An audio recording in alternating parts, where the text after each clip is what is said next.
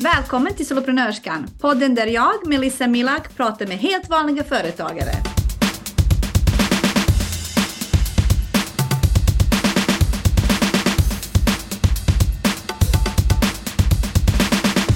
Hej och varmt välkommen till kvällens live som kommer handla om att driva retrobutik. Och jag vet inte om alla vet, men jag har drivit äh, retrobutik själv, för det var det, mitt första företag. Och det var genom kärleken till retro som jag vågade att äntligen, eh, äntligen starta eget.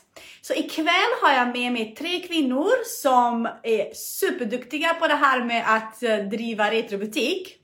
Det är, eh, man måste, jag känner dem allihopa har träffat alla men ändå måste jag kolla på fusklapp när jag kör live. Karin, Jessica och Marie kommer ikväll. De kommer alldeles strax här. Jag ska bara få en begäran av alla tre så ska jag släppa in dem. Håll tummarna att allt funkar nu. Med tekniken. Och Jessica? Hej! Hej Marie! Hallå! Jag håller tummarna här och hoppas. Ja! Hej Karin! Det är alltid så här när man ska släppa in alla fyra på en gång så brukar det vara lite så här hoppas, hoppas. Ja, hej! Hej! Alltså här sitter jag och ska presentera er och jag bara måste hitta fusklapp vad de heter. Paniken när man kör live. Ja, det, det är lite nervöst. Varmt välkommen! Tack så jättemycket att ni vill vara med och dela av era kunskaper och erfarenheter eh, för de som är nyfikna på att starta retrobutik. Eh, då ska vi se. Jag tänkte vi kör en presentationsrunda. Jag kan presentera mig själv när jag ändå pratar. Jag heter Melissa Milak. Jag driver envisare och hjälper kvinnor att komma igång med egna företag. Så om du är lite osäker och inte vet hur du ska börja, men du jättegärna vill starta eget, så är du varmt välkommen till envisare och mina kurser. Jessica, vill du presentera dig? Mm. Jag heter Jessica Hillerström. Jag driver retrobutiken Retrolyckan eh, sedan 2014. Eh, ja, egentligen är det väl bara det som räcker till att börja med. Vi kommer väl prata mer senare. Absolut. Ja. Det har kommit en hel del frågor och ni som tittar, det är jättekul. 108, 110 personer som tittar live just nu. Ni, alla, ni som tittar, ni är jätte, jätte välkomna att ställa frågor under kvällens gång. Uh, och så blir det roligare samtal när, när, vi alla gör det här tillsammans. Uh, Marie, vill du berätta vem du är, vad du gör, var du ja, bor? Det kan jag göra. Jag har följt på med min liksom, laddare här. Jag hoppas att det funkar nu. Uh, jag heter Marie och jag startade retrobutik för andra gången förra året. eller 2020, är det förra året? Två år sedan är det ju snart. Eh, så vi hade först en, en butik för eh, kanske sju år sedan eh, som vi startade här där vi bor. Och sen så har jag varit lärare en sväng emellan och så blev, det, blev jag erbjuden en lokal och startade den igen. Då. Och vi kanske inte skulle dra hela vändan här nu i det här försöket. Nej, och du har butik som heter Retrotryck som finns i Floda. Nej, den ligger i Hedefors utanför, fem minuter ifrån Lerum. Just det, så var det. Förlåt. Ja, geografi! Jag hade en tvåa i geografi när jag gick i skolan så... Ja. ja, men jag ligger väl närmast för dig ändå. Om du ska åka och hälsa på oss. Ja. Uh, Jessicas butik, var någon som frågade. Jessicas butik ligger i Uppsala. Yes.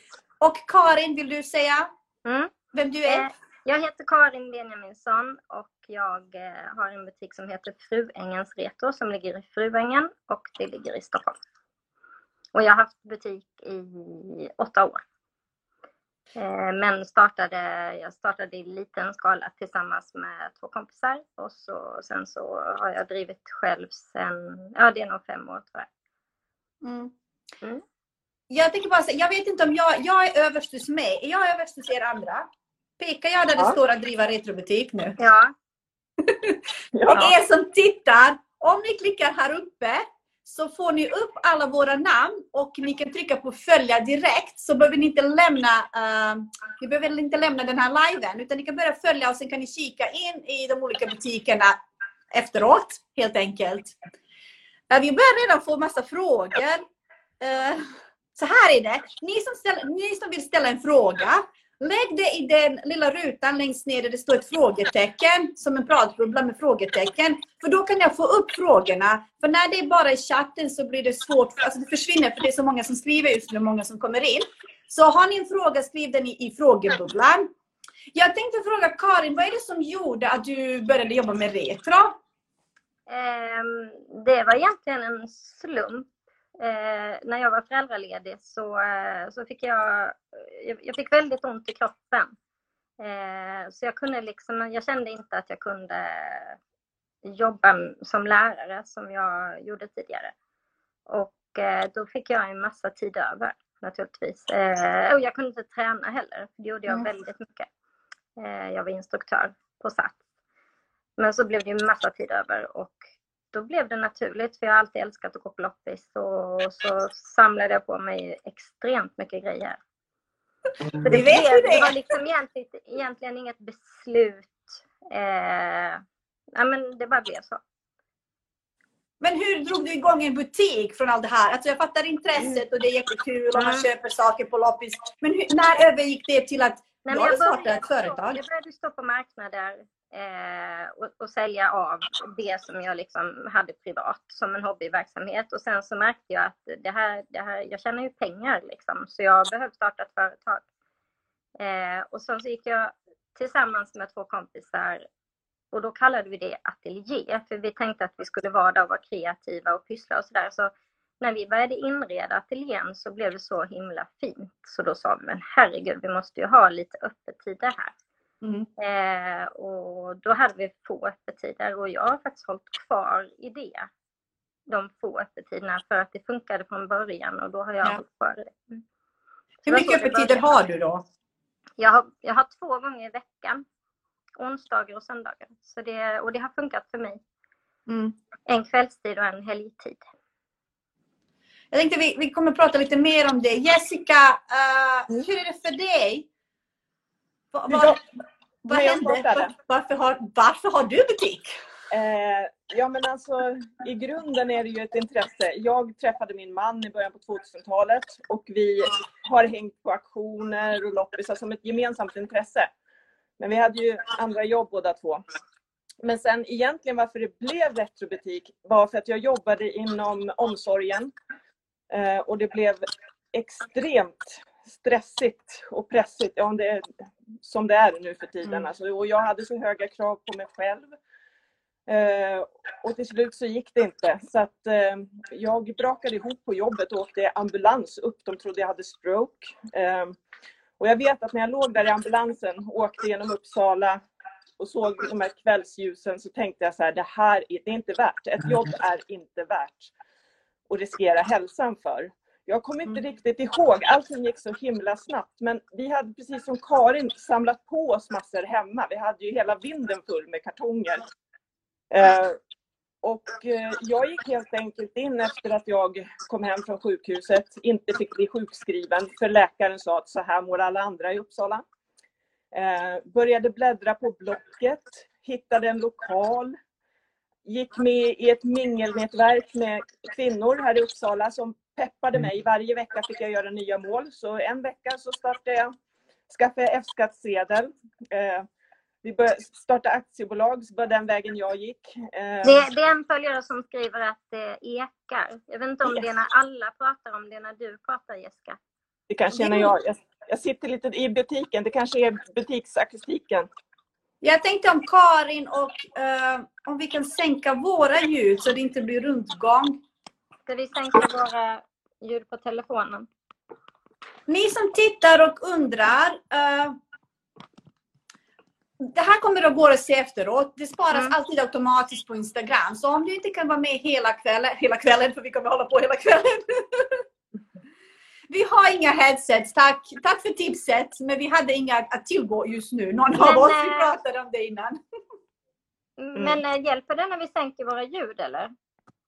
Jag, jag hör inte att det ekar när Karin pratar. Det ekar inte när du pratar för mig. Eh, Det ekar när du pratar Jessica. Nej, det ekar inte för mig. Nej, Då så, jag tror det nu, bättre nu, nu. nu ekar det inte när du pratar Jessica tror jag. Gör inte det? Kan du säga Nej. något? Hallå? Ska jag fortsätta prata? Jag pratar på. Ja, Nu verkar det bättre. Eh, nej, men jag kan fortsätta berätta så får ni säga till då om det ekar. Eh, var var jag någonstans? Jo, jag gick in och sa upp mig bara jättesnabbt till min chef. Och så frågade han vad jag skulle göra och jag sa att jag ska följa min dröm. Fast jag visste inte riktigt då vad den var. Men jag hade ju tre månader på mig så jag hittade en lokal på Blocket. Alltså det fanns ingen tid att fundera och gå liksom allt det här att planera. Jag hade inte den tiden. Jag bläddrade upp en lokal, en bostadsrättsförening som hyrde ut. Och eh, på den vägen är det. Jag liksom bara började. Så hade jag ett Instagramkonto sedan tidigare med mitt fritidsintresse. Så jag hade en grund på 2000 följare när jag började och det var tur. För att eh, det var det som gjorde att det gick runt liksom. Öppnade två dagar i veckan. Uh, vi fick tips om att vi kan uh, uh, trycka på muta oss själva på mikrofonen när vi inte pratar. Då blir det inte rundgång. Okej. Okay. Mm.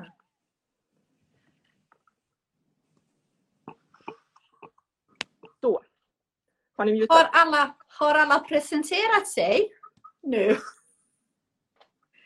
Nej.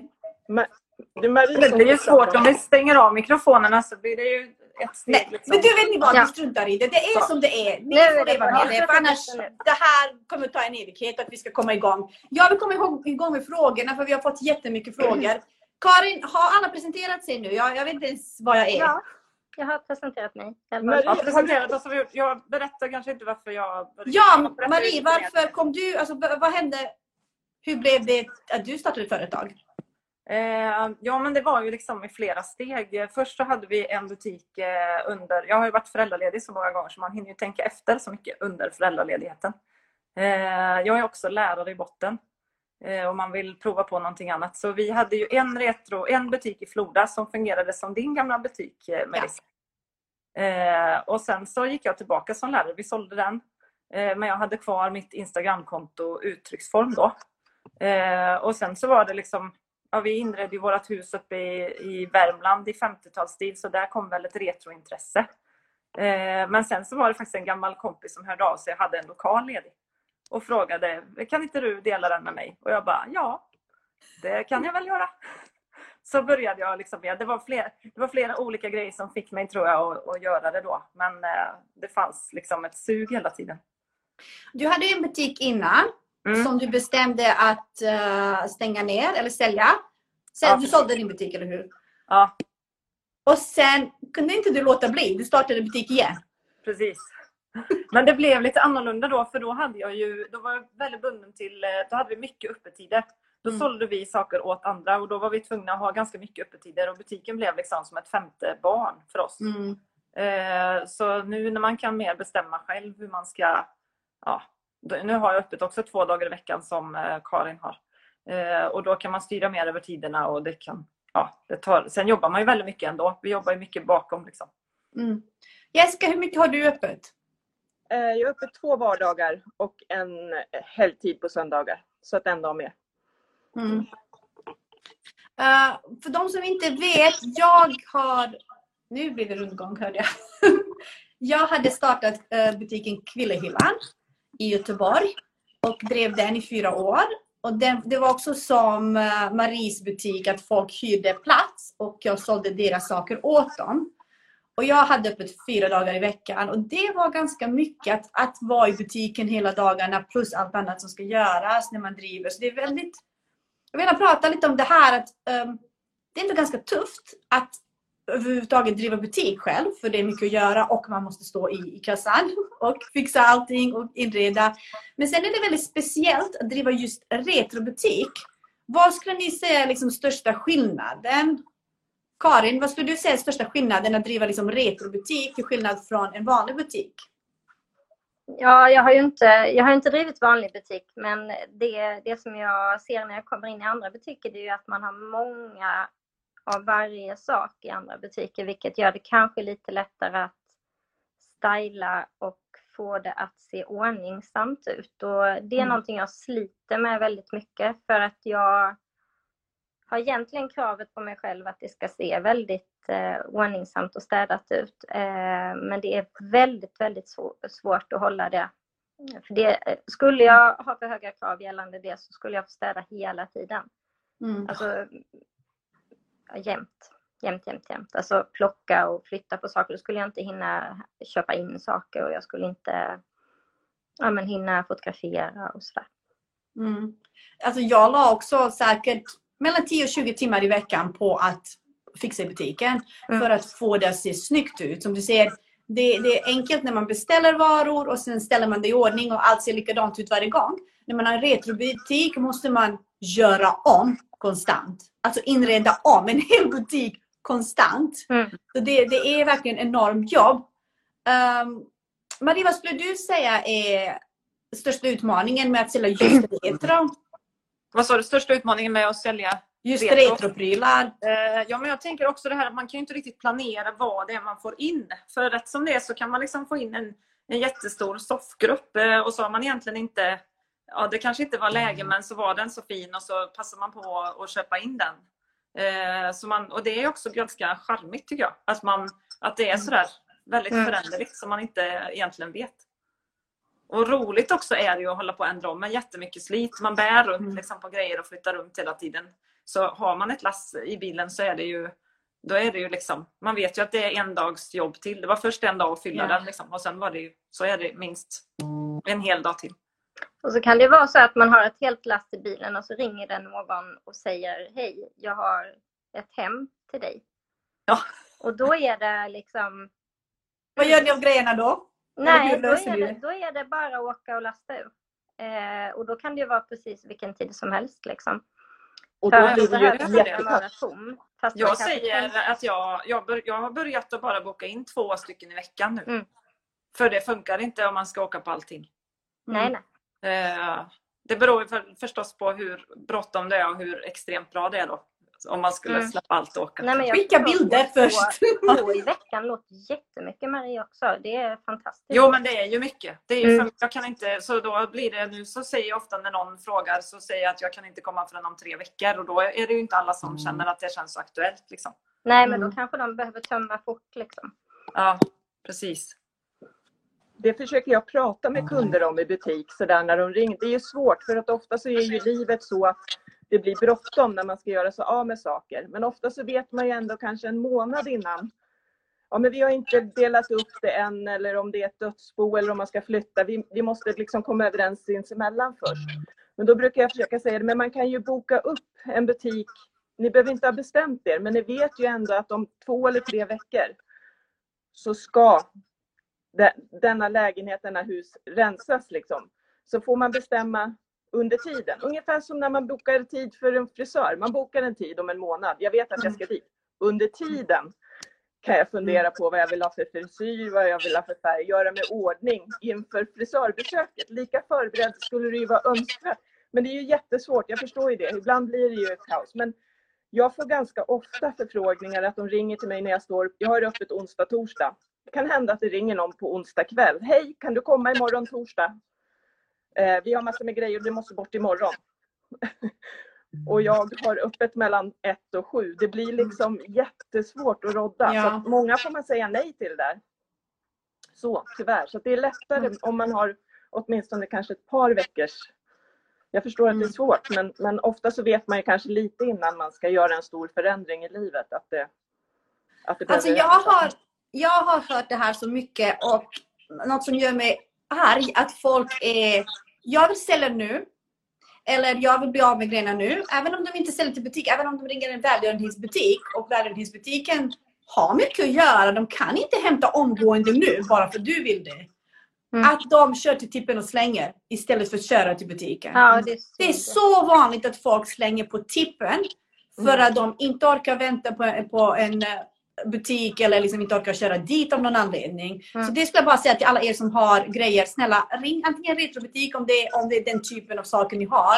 Eller kör till en second hand butik. Eh, Jag ser att det kommer in mycket frågor. Snälla Ja. ni som ställer frågor, skriv, in, skriv dem i den här rutan med frågetecken. Jag ser att det är ganska många som frågar om dödsbon. Eh, Ja, ja, och jag Precis. tror att Eh, om jag ska svara för mig själv, och jag tror att jag svarar för er andra också, att det är ingen av oss egentligen som tömmer helt och hållet ett dödsbo, utan vi försöker att plocka ut eh, grejer för att det blir, för vi jobbar ju ensamma alla tre. Eh, Så det blir för mycket jobb om vi ska tömma ett helt dödsbo. Mm. Eh, det är väldigt många last liksom som ska köras överallt. Så vi har kontakt med andra som tömmer dödsbon. En del av oss i alla fall har det. Mm. Eller jag har det. Mm. Eh, eh, och sen så har vi många privatpersoner som hör av sig. Eh, vi vill inte kanske helst att man bara kommer med en massa saker för vi vill gärna plocka ut, det är det som är vår affärsidé. Mm. Eh, att vi vill liksom erbjuda er en fin eh, mix som vi tycker är, är värt att, att sälja till er. Liksom. Och var och en av oss har ju olika stilar, alla vi tre också och resten av retrobutikerna. Och det är det som gör den här skärmen tycker jag när man åker runt till olika antik och retrobutiker. Att man verkligen kan känna personligheten när man kommer in och när man får servicen och sådär. Det är liksom inte som att komma in i en kedja av butiker utan varje butik har sin prägel Mm. och sin stil. Och det är ju lite det som är roligt när man är i den här branschen också, som när man kanske på fritiden går på loppis och sånt där, att man får välja sina egna godbitar. Mm. Mm. Och En alla har ju väldigt som- mycket olika stil, så jag tycker det är jätteroligt det här med att man får ha möjligheten att, att välja ut. Och det handlar ju inte alltid heller om att det ska vara det dyraste eller liksom, det är någonting som har fastnat hos en själv, en färg, en form liksom, som passar med det man själv tycker om att inreda med. För som du sa tidigare också, eftersom vi håller på så mycket och inreder och man gör om varje vecka, så skulle det vara saker som man inte har någon känsla för, då skulle man aldrig orka. Det skulle inte hålla, utan det måste ju vara så att man, man får en liten känsla för allting man tar in. Mm. På något Mm. vis. Mm. Och Det är väldigt många som är det är väldigt många som tittar som är väldigt nyfikna på vad får ni tag i era grejer? Och jag tror det är en av de absolut de frågorna som jag absolut har fått mest och folk ställer mest. Folk är så nyfikna. Var får man tag i alla grejer?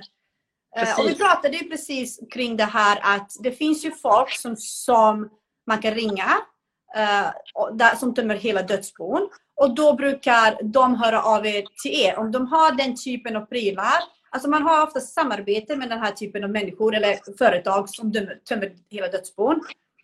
Och då brukar den som tömmer då veta, okej, hur mång- vem känner jag som säljer den typen av retro? Vem känner jag som säljer antikt? Vem kä- känner jag som säljer böcker? Vem känner jag som säljer porslin? Mm. Och så Mm. brukar de höra av sig till de här retrobutikerna som då får köpa det, det som passar in i deras butik. Mm. Eller skulle ni förklara det på annat sätt? Nej, precis. Kan Eh, Men också, vi köper ju in från olika håll så vi har ju de kontakterna men vi går ju också på loppisar eller hittar liksom saker där alla andra eh, vi letar ju kanske på samma ställen som många andra gör också, även om kanske inte folk tror att det finns så mycket saker att leta upp. Mm. Precis, och eh, en sak som är väldigt viktig det är ju att vara lojal med sina samarbetspartners. Det är det som, det är, det som är grunden i hela varför de hör av sig till mig när de får in ett dödsbo där det är mycket 50-tal eller 60-70-tal. Att jag alltid är rimlig, eh, ger ordentligt betalt för grejerna, är ärlig med vad jag köper in. Eh, för att annars så samarbetar man bara en gång med en person ju. Mm. Så att verkligen hålla, hålla och vara lojal med Mm. sina Ja. samarbetspartners. Och jag vill också nämna att man samarbetar med varandra. Så det är inte så här att alla i Uppsala, alla i Stockholm eller alla här i Göteborg som har retrobutik vägrar prata med varandra. Det funkar ju inte så. Man måste hjälpas åt. Och jag skulle vilja alltså säga till alla er, oavsett bransch, vad ni har eget inom, se till att vara kompis med era konkurrenter istället för att liksom se dem som, som ett hot.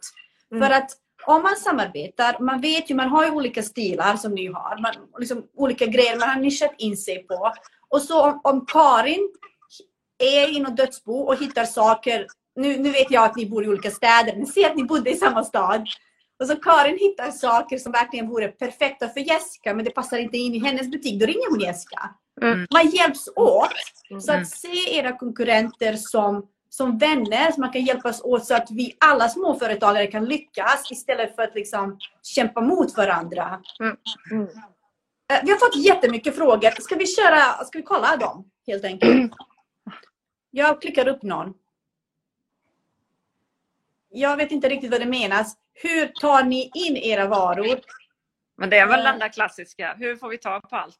Mm. Ja, redan det var väl det samma fråga. Jag tänkte mer så här, hur ni genom dörren? Ja, Ja, ja, nej. Ja, men det är väl Ja. lite det som har pratat om. Och sen så är det så här när man har startat en butik också, utöver att man lär känna egna kontakter och sådär, så kunder kommer ju in. De förstår ju att är man butik så, en ganska vanlig fråga är förresten, köper du in också? Eh, och det gör jag ju, för annars så kan jag ju inte sälja. Men eh, det brukar börja så för att det är en sån här liten trevare för att då har de kanske någonting de vill, eh, ett dödsbo eller att man ska flytta från, som är vanligt nu, flytta från hus till nyproducerat. Man inser att man kommer få ett förråd på tre kvadrat och haft och, och då behöver de ju rensa inför flytten. Så ganska ofta tycker jag också att det är kunder som kommer in. Och jag tror att jag pratar för oss alla tre när jag säger så här att, att så har jag hört i alla fall, att de vill att det ska gå till någon som tar hand om sakerna. Mm. Och när de ser våra konton, när vi fotograferar, det är jättesvårt att liksom rensa ett döds... Alltså jag hatar ordet dödsbo, jag hatar att prata om det, jag tycker det låter så illa. Men det är jättesvårt att rensa ett hem efter en anhörig. Och att då få se att någon tar om hand om det, skriver om det, Eh, lägger in det i miljöer och då vet de också att våra kunder som letar efter det här är jätte, alltså de kommer ta hand om de här. Det är inte så att man bara, nu ska jag inte raljera så, men springer man och köper på loppis och det kostar en 10 eller 20 kronor hit och dit, det blir så lätt att det blir mycket. Men här väljer man ut noga och tar hem och placerar in sin, och det, det tycker många känns lättat när de ska rensa saker. Mm. Så att de tar kontakt med oss så också. blir det ju också när man har butik. Att folk kommer in och frågar. Och sen så är det ju vidare och vidare. Och sköter man sig bra då, då får de, de har ju vänner, släktingar. Så nästa gång det är något så får man in den vägen också. Så att det är ett ständigt jobb med respekt och förtroende och så. Mm. Men Det det är är svårt. jättefint. Verkligen jättefint det du säger. Jag försöker få upp frågor men det vill liksom inte riktigt. Men det kommer en här nu. Hur redovisar ni Där. eh, saker ni köper på loppis utan kvitton? Jag köper inga saker utan kvitton. eh, vi måste ju ha kvitto på våra saker för att vi ska kunna Om det kommer en privatperson. Ja. Jag har saker att hem, sälja hemma och jag säger till dig Marin kan du komma och titta på de grejerna jag vill hemma? Jag har hemma, jag vill sälja dem till dig. Då Mm. köper du dem av mig. Mm. Och då skriver vi ju ett kvitto. Precis, det är det, det, är det folk undrar. Ja, det är det. Jag trodde, nej men frågan var hur vi gör på lopp, eh, om vi köper på loppis tror jag. Ja. Nej, alltså när man köper i butik, eh, då skriver man, då får man ju kvitto. När du köper av privatperson, då skriver du som säljare själv ett kvitto. Man tar med sig ett kvittoblock och då måste man ange personens namn och personnummer, vad man har köpt, hur mycket pengar man har betalt. Och det kvittot använder man i sin bokföring. Mm. Jag tänker för de som inte vet hur det funkar när man köper av privatpersoner. Så alltså en privatperson kan inte ge dig ett kvitto. Eh, är Men det svårt Jessica, hur är det ni gör när ni går på bakluckeloppis? Jo, men då, då får man ju skriva en sammanställning på varen, när man kommer hem sen på varenda grej man har köpt. För då ska man ju vinstmarginalbeskatta det där sen och då, det är ett annat sätt. Än, liksom, men det måste ju finnas med exakt vad man har köpt då Mm. och summan och så. Så att det finns ju med i bokföringen som man lägger med. Och jag, jag tänker, man kan ju skriva ett kvitto där också. Man kan ju skriva ett kvitto till sig själv att det här har Ja. jag köpt in och förklara vad man köpte. Mm, Mm. Precis, och redovisa. Och sen, Alltså, sen jag jag tänker, ibland vill man kanske vara lite hemlig med att man inte är företagare när man handlar på en bakluckeloppis till exempel. Eh, och det är kanske därför frågan kommer också, för att man kanske inte säger hej, jag ska sälja vidare. Utan att man ibland är man kanske lite, vill vara lite småhemlig. Eh, Jag och förstår då, det, är- Då absolut. kan man väl göra så som ni gör Jessica med att göra ett, en sammanfattning när man Det funkar jättebra. Vi lämnar in till den. vi- Jag har hjälp med ekonomin sen med deklaration. Alltså så. Det var bland det första jag Det är olika hur man gör det där. Men jag kände att det här är inte någonting som jag kommer...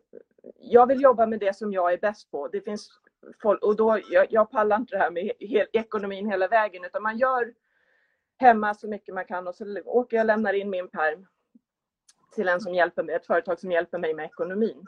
Mm. Eh, Men det är så som jag funkar, för jag blir så stressad. Det är så mycket för mig i mitt eget företag hela tiden, så jag måste få fokusera på det som är roligt. Men vi gör ju de här första, precis som vi pratade om. Gör allt det här med kvitton och sånt där. Så lämnar, lämnar jag in och så får jag hjälp så att allting ska vara klart i slutet på året. Det är det som är så viktigt. företag. När man driver eget, det som det viktigaste är att du håller ordning på alla dina papper och alla kvitton. Och Mm. Jessica får hjälp med bokföringen, så du, gör, alltså, du matar inte in i bokföringsprogrammet själv, utan du får hjälp. Ja. Hur gör ni andra? Har ni också någon som bokför åt er eller sköter ni det själva? Ja, vi sköter det själva. Eh, det är min man som bokför. Eh, med min hjälp, lilla hjälp. Det är lite här också. Min man hjälper också till, men sen lämnar vi det sista till. Ja. Mm. Min syster hjälper mig. Hon, eh, hon jobbar på revisionsbyrå. Så. Men, jag, men jag är väldigt mycket själv också. Mm. Man, man skriver upp varenda kvitto, man räknar igenom och, och gör sin budget. Och. Mm. Jag tänkte till Tina, är det svårt med bokföring? Nej, det är inte svårt när du lärt dig. Det är som med allt annat, det är svårt att cykla. Det, det är alltså inte när man lärt sig. Det finns, ju, det finns ju bra program man kan mm. använda också med bokföring. Det kommer mer frågor om bokföring här. Jag kommer inte att klicka upp dem. Alltså, Nej. när det gäller bokföring, känner ni att ni inte kan ta hjälp helt enkelt? Alltså ni som ska starta eget. Känner ni att, ni att det här med bokföring verkar krångligt? För det första, det är inte så krångligt som ni tror. Ni bara tror det för att ni aldrig gjort det innan och därför är ni rädda för det. Så ta det med kallt huvud. Okej, okay, det här kan jag inte, det här ska jag lära mig. Vem kan hjälpa mig? Ska jag ta en kurs eller ska jag be en bokföringskonsult förklara för mig hur jag ska komma igång. Så det är liksom inte mer än så. Och jag skulle rekommendera alla som inte håller, håller på med bokföring innan att ta hjälp av en, av en bokföringskonsult. Så slutdiskuterat om, om bokföring. Får jag bara lägga till en där? Det kan ju också vara det som är skillnaden. Om man är ny och vill starta företag, många är ju, det är ju det här som, är, som folk är mest rädda för. Ja. Inklusive jag, som var det i början. Det kan ju vara det som är skillnaden när man ska starta upp. Om man får hjälp av någon så man kan fokusera på det man vill börja och komma igång med. För det tar ju så mycket tid. Speciellt i början när, när man är lite ovan sådär. Eh. Alltså problemet är att många tänker, alltså företagande det är bokföring. För att driva företag, bokföring kommer vara ditt minsta problem. Det är så mycket att göra. Mm. Det är så mycket att ordna med och som ni har som, som har butik. Det ska hittas grejer, det ska tvättas grejer, det ska sorteras grejer, det ska inredas, det ska fotas, det ska hållas på med sociala medier, det ska liksom kommuniceras med kunder, det ska stås i kassan. Alltså det är så mycket. Bokföring handlar om att du ska sortera dina papper i ordning och mata in det i ett program. Det är liksom inte mer komplicerat än så. Så jag tänker att, att man, man ska alltså, var inte rädda för det, för det löser sig. Utan fokusera på vad är det du ska göra, vad, vad är det du vill göra, vad vill du förmedla, vem kommer att vara din kund och hur ska du nå kunderna? För det är mycket viktigare än att oroa sig över bokföringen. Håller ni med? Ja. ja. Eh, prissättning, hur tänker ni när ni sätter pris? Jag tänker så här, när man köper in en produkt, då vet man vad den kostar, man lägger på Eh, sina omkostnader, man lägger på momsen och så säljer man. Men när det är retroprylar, när det är retromöbler, vintagekläder och så vidare. Hur prismärker man? Någon som vill ha ordet? Karin? Ska jag ta ordet? Um, vi säger att det kommer in en uh, eller jag får in en vara som jag betalar eh, uh, 20 kronor för. Uh, då tänker jag att 20 kronor ska gå till skatt. Eh, 20 kronor ska gå till moms. Det här är enkelt i huvudet alltså. Och så vill jag ha 20 kronor själv. Så då sätter jag typ 70 kronor på den varan. Mm. Eh, är det så att jag vet att den är mer värd så kan jag ju öka. Men eh, absolut minsta är 70.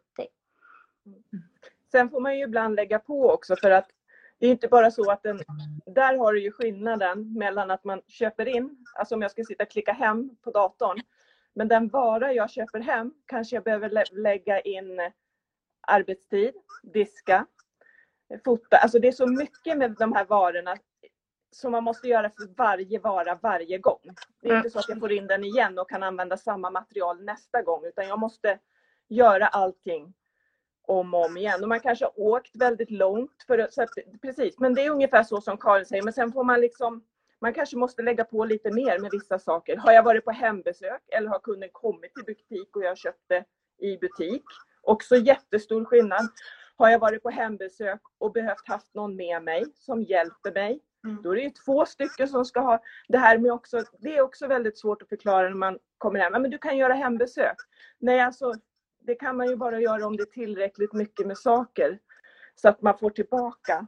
Så att mm. man har att jobba och sälja av. För att när jag åker på ett hembesök, det kanske går två, tre timmar bara av att komma och titta på sakerna. de timmarna ska jag ha min lön och det dubbla ungefär med sociala avgifter och sånt. Det är, så, det är pengar som jag måste ta tillbaka i försäljningen. Även Mm. om det inte skulle bli något. Det är därför man också är så noga med att skicka bilder innan så jag ser ungefär liksom överblick vad det är för typ så att jag inte åker helt i onödan en timmes resa eller en halvtimme sådär. Mm. Så att det, det är klurigt att sätta priser alltså, för man måste räkna in mycket annat också. Men i grunden är det ju så som Karin säger. Men sen ibland måste vi kanske lägga på om det har varit väldigt mycket jobb och väldigt mycket arbetstimmar. Mm. Mm. Med. Ja. Jag tänker att det här är väldigt bra att säga till alla andra som driver företag också att komma ihåg. Du måste ta betalt för allt annat, för all annan tid också. Tiden du letar, tiden folk du kommunicerar med människor, tiden du åker dit och tittar på grejerna och tvättar dem eller diskar dem och fotar allt. Allt den här tiden måste betalas. Sen måste du ha till din pension, till ditt sparande, till framtida investeringar, till hyran. Till, alltså, allt måste in i priset. Så det är jätte, jätteviktigt att fundera på vad har jag för kostnader? Att ha liksom en tydlig resultatbudget innan man kommer igång. Att man liksom räknar på alla de här kostnaderna. Jag vill bara säga till alla som tittar, jättekul att se det 130 pers som tittar live. Här uppe, att driva retrobutik, finns det en pil.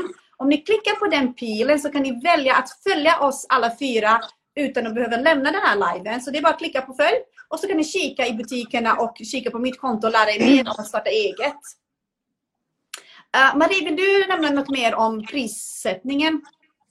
Ja, men jag kan väl tillägga då att eh, dels så vill man ju kanske inte... Den här varan som Karin pratade om förut som kostade 20 kronor. Om jag sätter 70 kronor på den och, och alla andra tar 300 till exempel. Eh, det vill man ju inte heller utan man försöker kanske lägga sig liksom ungefär som man vet att... Det, man kollar ju ungefär hur marknaden ser ut också så att man... Eh, och så tror jag vi gör allihopa. Men Mm. sen också att man ibland köper in dyrare saker för att man kanske vill höja liksom, vad ska man säga, man vill höja standarden i butiken eller man kan ta in någonting som man vet verkligen drar och då kanske man inte Mm. får eh, riktigt, då kan man inte slå på så mycket på Nej. det för att man har köpt det dyrt. Liksom. Men man Ibland vill blir ändå, det plus minus det blir så snyggt. Man, man tar in det för att, liksom, ja, för att ta bra bilder och se vad, vad man kan locka in med. Att man ser det Exakt. nästan som en annons, reklamkostnad liksom. ja, precis. Mm. Mm. Jag, jag skulle vilja säga att just när det gäller retro till skillnad från när man liksom har vanlig butik och köper in grejer, är att man lägger väldigt, väldigt mycket tid på forskning. Att ta reda på vad saker och ting är. Mm. Eh, alltså, på mina fyra år som har drivit retrobutik, det är helt galet hur mycket jag kan om 60, 70, ja, 50, 60, 70-talet. Alla prylarna som har till, tillverkats under den här tiden, alla, alla designers som fanns under tiden, vad de gjorde, varför de gjorde. Alltså man lär sig något otroligt mycket. Men samtidigt tar det ganska mycket tid att ta, ta fram den här informationen, vad saker och ting kostar. Och jag tänker det måste också in i priset. Mm. Och sen vet jag att väldigt, väldigt många eh, skickar meddelanden och frågar vad kostar den? Bara för att de vill veta. Ja, men jag har en likadan. De är inte så intresserade av att köpa. Och jag skulle vilja säga att den, den, de kunderna, att de här personerna lägger otroligt mycket tid för att skaffa kunskap och ta reda på och forska. Eh, Så om du vill veta, ta reda på det själv om du inte är intresserad av att köpa. Alltså var lite så hård. Men, men alltså, jag tycker att det är så eh, att man måste värdesätta er kunskap också kring alla de här grejerna. Mm. Sen är det ju bara det att man kommer inte alltid ihåg det där som man har googlat tio gånger förut. Nej, Jag vet inte, i alla fall i min hjärna så får det liksom inte, jag får alltid kolla det igen. Liksom. Ja. Men därför är det så himla bra att ha, förlåt nu avbryter jag dig Marie, Nej, nej. att det är så bra att ha kollegor eller personer i sin omgivning som håller på med samma sak. För att eh, det är ju eh, verkligen en källa till kunskap. Att våga höra av sig till sina idoler. Eh, Precis. jag har några antikidoler som eh, står ut med mig jämt. Så fort jag får in något som inte tillhör mitt eh, spann så, så får de jättemycket frågor av mig och de är så hjälpsamma. Mm. Eh, så att ta, ta nytta av era idoler när ni ska starta upp. Eh, För att eh, de finns där, herregud. Man blir ju smickrad om någon hör av sig. Och, och, och har man inte tid så får man ju säga det. Mm. Och det, jag tycker det är här det kommer in det här med att vara kompis med varandra. För att jag är 100% säker att ni hjälps åt. för att liksom så här, eh, ni, alltså jag skulle säga så här, om man vet att Jessica är expert på glas, om man vet att Karin är expert på porslin, om vi vet att Marie är expert på vintage, det här är intressant nu, jag bara hittar på saker, bara ni som tittar. Mm. Då vet man liksom, oh, hon kan det här, jag frågar henne. Och så hjälps man åt. Det handlar också om att ge och ta. Så alltså inte bara så här, jag ska starta eget så nu ringer jag någon som driver butik och jag använder den här personens kunskap konstant. Det måste ändå vara lite ge och ta i, i det här. Mm. Vi fick en fråga nu eh, om vi jobbar mer eller mindre än 40 timmar. Mer? Den Jag hämtar lite vatten medan ni berättar. Ja, Ja. Mer ja. Mycket Jag, mer. jag tror inte ens eh, att det räcker med 80 timmar ska jag säga. Och nu vill inte jag avskräcka någon från att öppna en butik för det är ju väldigt, väldigt roligt. Men man, vi jobbar ju sjukt mycket. Man Det är är inte så liksom... att man kopplar bort, det är inte så att man kopplar bort tankarna när man går hem utan det kan poppa upp liksom när man står och diskar. Just det här googlandet också. Alltså, Mm. Man kan inte släppa en sån tråd om den dyker upp i huvudet vid ett olämpligt tillfälle för att man kan få en sån här, ja just ja, det kanske var den där, jag kanske ska kolla. Och släpper man det där och då, då, då har man ju tappat det sen. Så det är Mm. mycket sånt till exempel när man är hemma. Det är mycket som pågår i huvudet och planeringar, det är ju också jobb. Att planera hur man ska göra i butiken när man kommer nästa dag och sådär också. Men jag Men tycker om- också det, det är mycket sociala medier-jobb som, som man gör. Liksom. Ja. Man sitter ju hela kvällarna och ofta på morgonen också. Man lägger ut inlägg och man svarar på frågor. Eh, otroligt mycket. Mm. Ett tips eh, som inte, det har inte kommit upp någon fråga om det, men, men man får ofta väldigt liknande frågor i direktmeddelande och eh, av kunder. Till exempel om man köper in och sådär. Så eh, att ha förskrivna meddelanden som eh, man, man kan eh, kanske gå in och korrigera lite grann och göra dem lite personliga. Mm. Eh, om man Eller känner- höjdpunkter. Va? Höjdpunkter på Ja, Instagram. är också, kan just när man ska, till exempel om en familj hör av sig och det är dags att tömma ett hem. Att Mm. man inte behöver sitta i 20 minuter och formulera eh, vad, man, vad man ska svara utan att man har ett dokument som man direkt kan skicka till dem där man bara ändrar vem som är, vem, vem, eh, ja, vem man skriver till. Mm. Så att man slipper, eh, och, och likadant om någon är kritisk någon gång, om någon kritiserar dig. Det kan man ta väldigt personligt ju när, det, när hela ens liv är, är företaget. Att man också har förskrivna meddelanden hur man ska bemöta kritik till exempel. För annars kan det ta en hel kväll att komma över det liksom. Mm. Mm. Det är så dumt. Jag, jag, alltså jag känner så här, när jag, när jag har butik, jag har pratat om det här innan. Det kan komma in hundra supertrevliga människor. Det kommer en sur människa som har en dålig dag och förstör min dag. Ja. Och det är så dumt att man, att, alltså vi människor, jag tror vi alla människor är sådana, att vi på något sätt koncentrerar oss på det negativa istället för alla de här hundra positiva. Så det, jag tycker det är jättebra, det är jättebra tips du ger Karin. Mm. Skriv ett meddelande när du har en bra dag. Så när den här dag, dåliga dagen kommer så är du redo. Mm. Ja men precis. För då är det så mycket lättare att bara tänka att okej den här personen kanske hade en dålig dag eh, men jag, jag formulerar mig korrekt eh, utan några känslor inblandade tillbaka och förklarar varför jag gör som jag gör till exempel. Men ibland Mm. är man ju jätteskör. Så när den Mm. där personen som de ändå är väldigt, väldigt ovanliga. Ja, men det vet ju du Karin. Jag har ju ringt till dig ibland.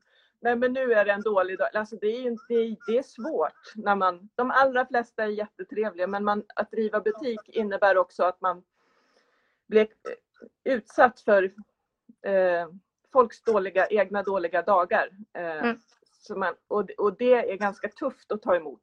Jag tror säkert ni kan skriva under på att vi har varit med om det under pandemin till exempel. När vi utöver alla yrkesroller som vi har pratat om här har fått typ tio extra roller till som vi själva ska liksom. Och plus att kunder då under stress såklart. Det har ju varit en jättestressig period så då har det ju varit ytterligare liksom.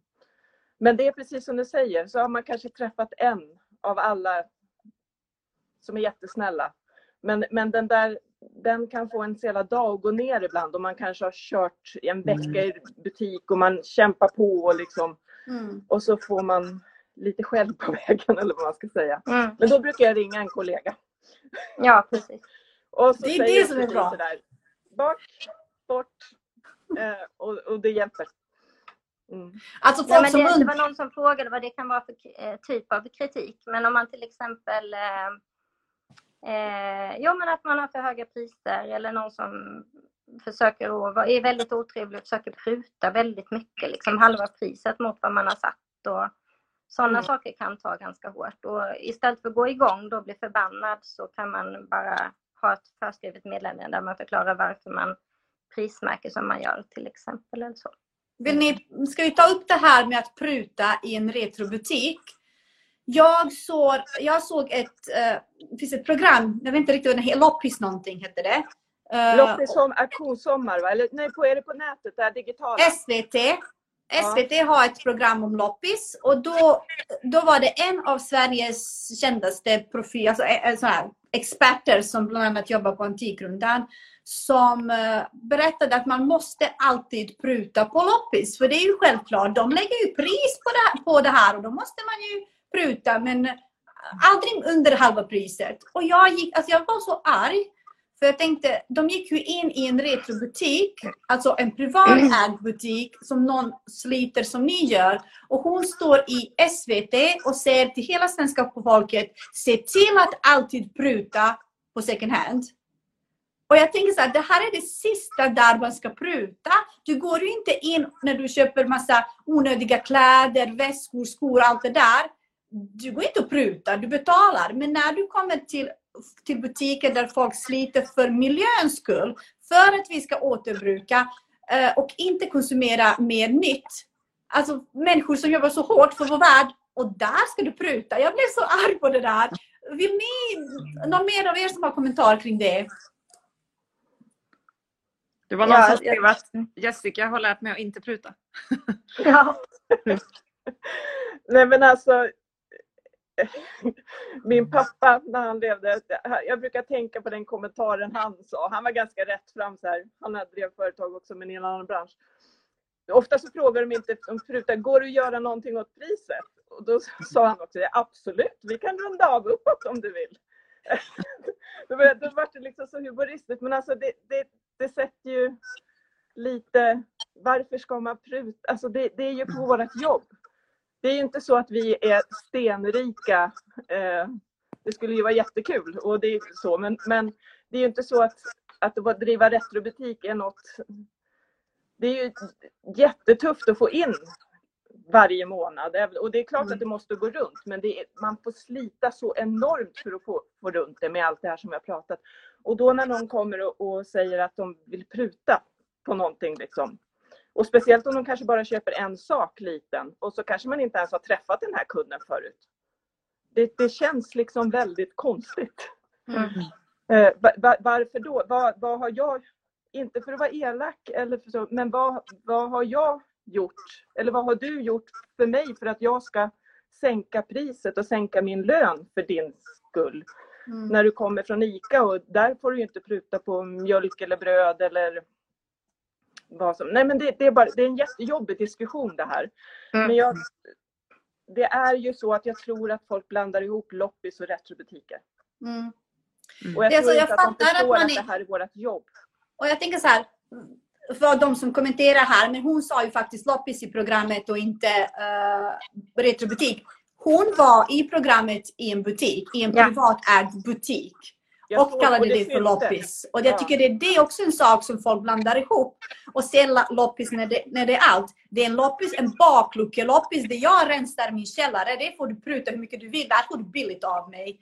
Men när jag har slitit i min butik, hittat de perfekta grejerna, gjort inrätt och fotat och alltså hittat perfekta grejer för dig och lagt jätte- jättemycket tid på det. Där kan jag inte pruta för att då måste jag dra av antingen på min mat, alltså min hyra eller, eller min middag. Alltså vilken vill du pruta på? Alltså det är det folk måste förstå. Mm. Um, ska vi se om det kommer någon mer fråga? Sen kan jag tycka om någon köper liksom, man köper en hel, man köper många saker. Det är klart att man kan få lite mängdrabatt då. Nu kanske jag säger emot det vi precis har sagt här. Men, då eh, erbjuder du det, Marie. Ja, men precis. Det är upp till dig att erbjuda det. ja, För att du vill ge bra service. Men Ja, att men kräva det som kund bara för att det är second hand och bara av den anledningen. mm. Mm. Nej, det är skillnad. Fråga.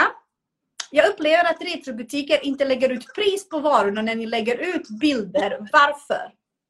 Får jag ta den först? Du, du får ta det. Jag, jag är också laddad så kör du. Det här är jättepersonligt och det är lite olika för varje. Men nummer, om jag ska ta rent för mig, nummer ett, så har jag råkat ut för det här. Eh, jag har ju företagsswish och, när de, ja, men- och det har de flesta. Sådär. Men när, när man swishar in, för det första så kan man inte swisha tillbaka från företagsswishen om det går fel. Det är inte bara så här som vanligt privat att swish, swish, swish. Så här. Allting ska bokföras. Jag har jättemånga kunder som har lagt in mitt, när de har börjat handla hos mig, lagt in mig som favorit. Och sen lägger jag ut en bild på Instagram och det säger poff och tio kunder vill ha den här samtidigt. Och då tror de att, men om jag swishar snabbast, då får jag den. Men det måste ju ske en kommunikation med mig. Jag måste ju tala om att den här varan finns och ja, du var först på den. Men jag har varit med om jättemånga gånger att det bara swish, så kommer det en massa swishar som jag måste hantera i bokföringen och jag kan inte styra över det. Över liksom. Så mig, det, det är mitt absolut främsta. Det blir total kaos i min bokföring. Och hur ska jag swisha tillbaka?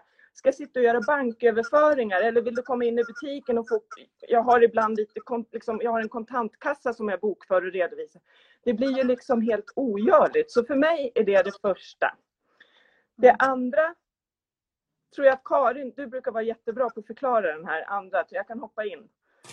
Och jag vet läsa inte vilken Det här med våra priser utåt, vi vill ju inte vara så himla dyra, mer dyra i onödan än, än vad vi är.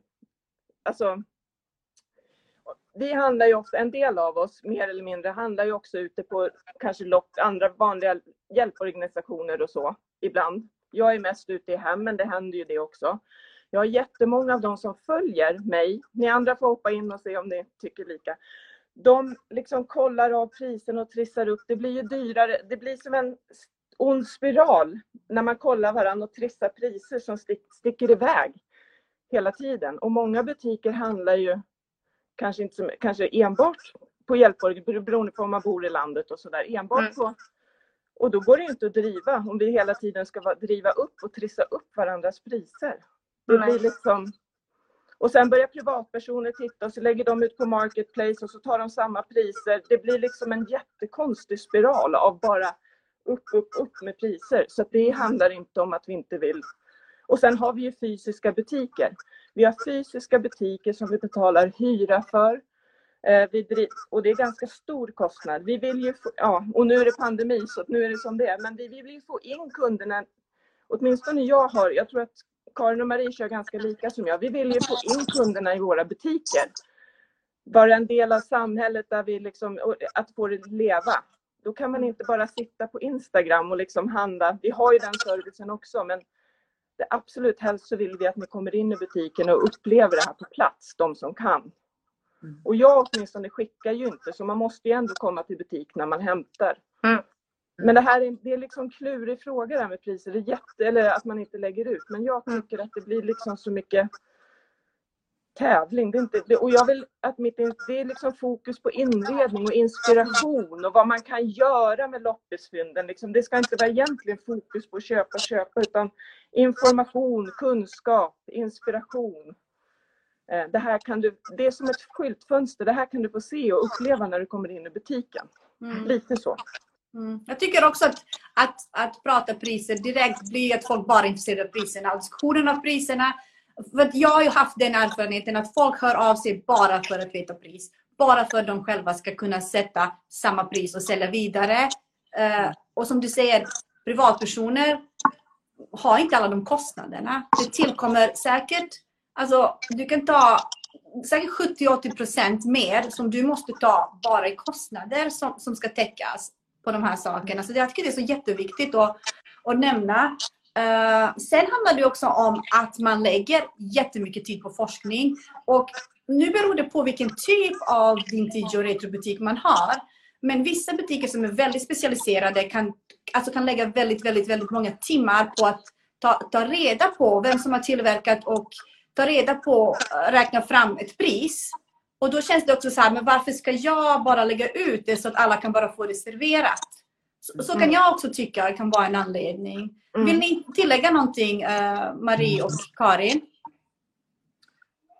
Nej men jag har sagt bra. Jag kan väl också tycka ibland att man eh, en del som säljer till en och, och, de vill liksom se, de kanske säljer till en för att de faktiskt vill se de här gamla sakerna eh, i ett fint sammanhang och de tycker man, man gör fint i sin butik. De vill inte se priserna sen. Nej. Eh, Ja. Jag har hört det många gånger att de, eh, här. de tycker att det känns inte bra att se liksom vad det, de vill inte gå och titta vad man tar riktigt eller så. Utan Mm, de det har jag hört. De vill bara veta att det kommer till ett bra hem. Precis. Mm. Och det är det som känns viktigt. Så man gör ju det också faktiskt av respekt då för dem. Mm. Och jag, jag förstår ju kunderna som kanske tycker att det är besvärligt att höra av sig i direktmeddelande. Så jag förstår frustrationen helt och hållet. Och Mm. jag har verkligen funderat fram och tillbaka väldigt många gånger. Men har efter många år kommit fram till att det här är det allra bästa för mig. Mm. Eh, och en del, någon gång har jag fått en kommentar att eh, då säljer du inte bra heller om du väljer att inte lägga ut dina priser. Men, men det gör jag.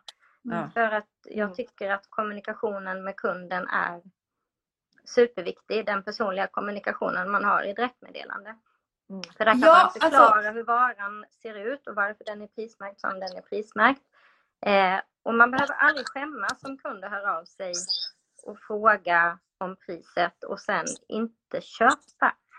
Det Mm. är, ju- det är självklart. Jag, jag får jättemycket frågor och, och kunder som självklart inte köper när de får Och höra. snälla tacka nej. Istället för ghosta och bara försvinna efter att du frågat om pris. Säg okej tack men jag avstår. Det är Ja. ingen som blir sur på det. Alltså var Nej. ärlig och svara snälla kunder. Mm. Ja, antingen det. Men, men jag känner inte riktigt som dig Melissa, utan det är lite grann som... Eh, då blir det också någonting som jag behöver läsa. Eh, så att om man tänker tidsmässigt så man kan ju trycka hjärta eller vad som helst Fast man priset. vet ju inte alltid. Okej, men alltså jag, du frågar mig vad kostar det och jag säger vad det kostar och så är du tyst. Jag vill Ja. liksom veta, ska du ha den eller ska du inte ha den? För jag har annat att göra. Ja, men Mm. precis. Men, men det är så himla, man får så himla mycket frågor så jag känner inte riktigt så. Okej. Att man Ja. får gärna ghosta och, och, och sådär. Okej. Det kanske var så att man blev, eh, behövde ta något barn som trillade eller vad som helst. Men, men, eh, men ändå det här att man behöver inte skämmas för att fråga pris och sen tacka nej. För jag tror att en del känner att det är jobbigt att höra av sig och sen inte köpa. Och, Mm. och så, det, så behöver man verkligen inte tänka. Jag tror inte någon av oss tänker så när man får de frågorna. Man Nej. svarar bara på ren rutin. Liksom så. För sen så vissa saker behöver man ju fundera på att ta med risk att det inte finns kvar då. Men liksom, det är inget konstigt att man får Mm. frågan och svar. Nej, Det tror jag inte någon av oss tycker så. Det är bara... Alltså jag tänker också svara för, att, för varför jag aldrig skrev ut priser på när jag hade butik. Och, Mm. alltså, grejen är så här, när jag tar bild så är det kanske 10-20 saker på bilden. Jag kommer inte ihåg vad de kostar för att varje separat vara i en retrobutik har sitt eget pris. Det är inte en butik där du köper in 10 olika varor. Du vet vad de är prismärkta. Du vet alltid vad dina varor kostar. Här, vi vet inte. Det är liksom, man måste gå och kika och sen när det kommer meddelanden mitt i natt, eller inte meddelanden, men när det kommer liksom kommentarer till exempel på, på Instagram. Uh, vad kostar saker och ting? För det andra, när jag hade butik, jag sålde åt andra som prismärkte själva. Så jag hade verkligen ingen aning vad någonting kostade i butiken. Så det skulle ha tagit mig liksom flera dagar i veckan att bara gå och titta på priser åt folk. Så det är också en anledning varför man inte skriver ut alla priserna. Man hinner helt enkelt inte och man kan inte alla priserna utan till. För det är, och sen är det sån omsättning av grejer som konstant förändras. Mm. Så jag tycker att det här är jätteviktigt att nämna att det är annorlunda i en retrobutik än vanlig. En frisör vet alltid vad en klippning kostar. Alltså i butiken har du kanske hundra olika vaser av olika tillverkare, av olika designers som kostar olika saker. Så Mm. det är svårt att komma ihåg och som förändras. Mm. Men man får alltid väldigt gärna fråga. Absolut. Man får ab- absolut alltid fråga. Men jag tänker så här, förklara varför det, priserna inte står på till exempel Instagram varje gång. Ja, precis. Eller varför man Ja. kan få vänta kanske till nästa dag när jag kommer till butiken eller näst, nästa. Liksom.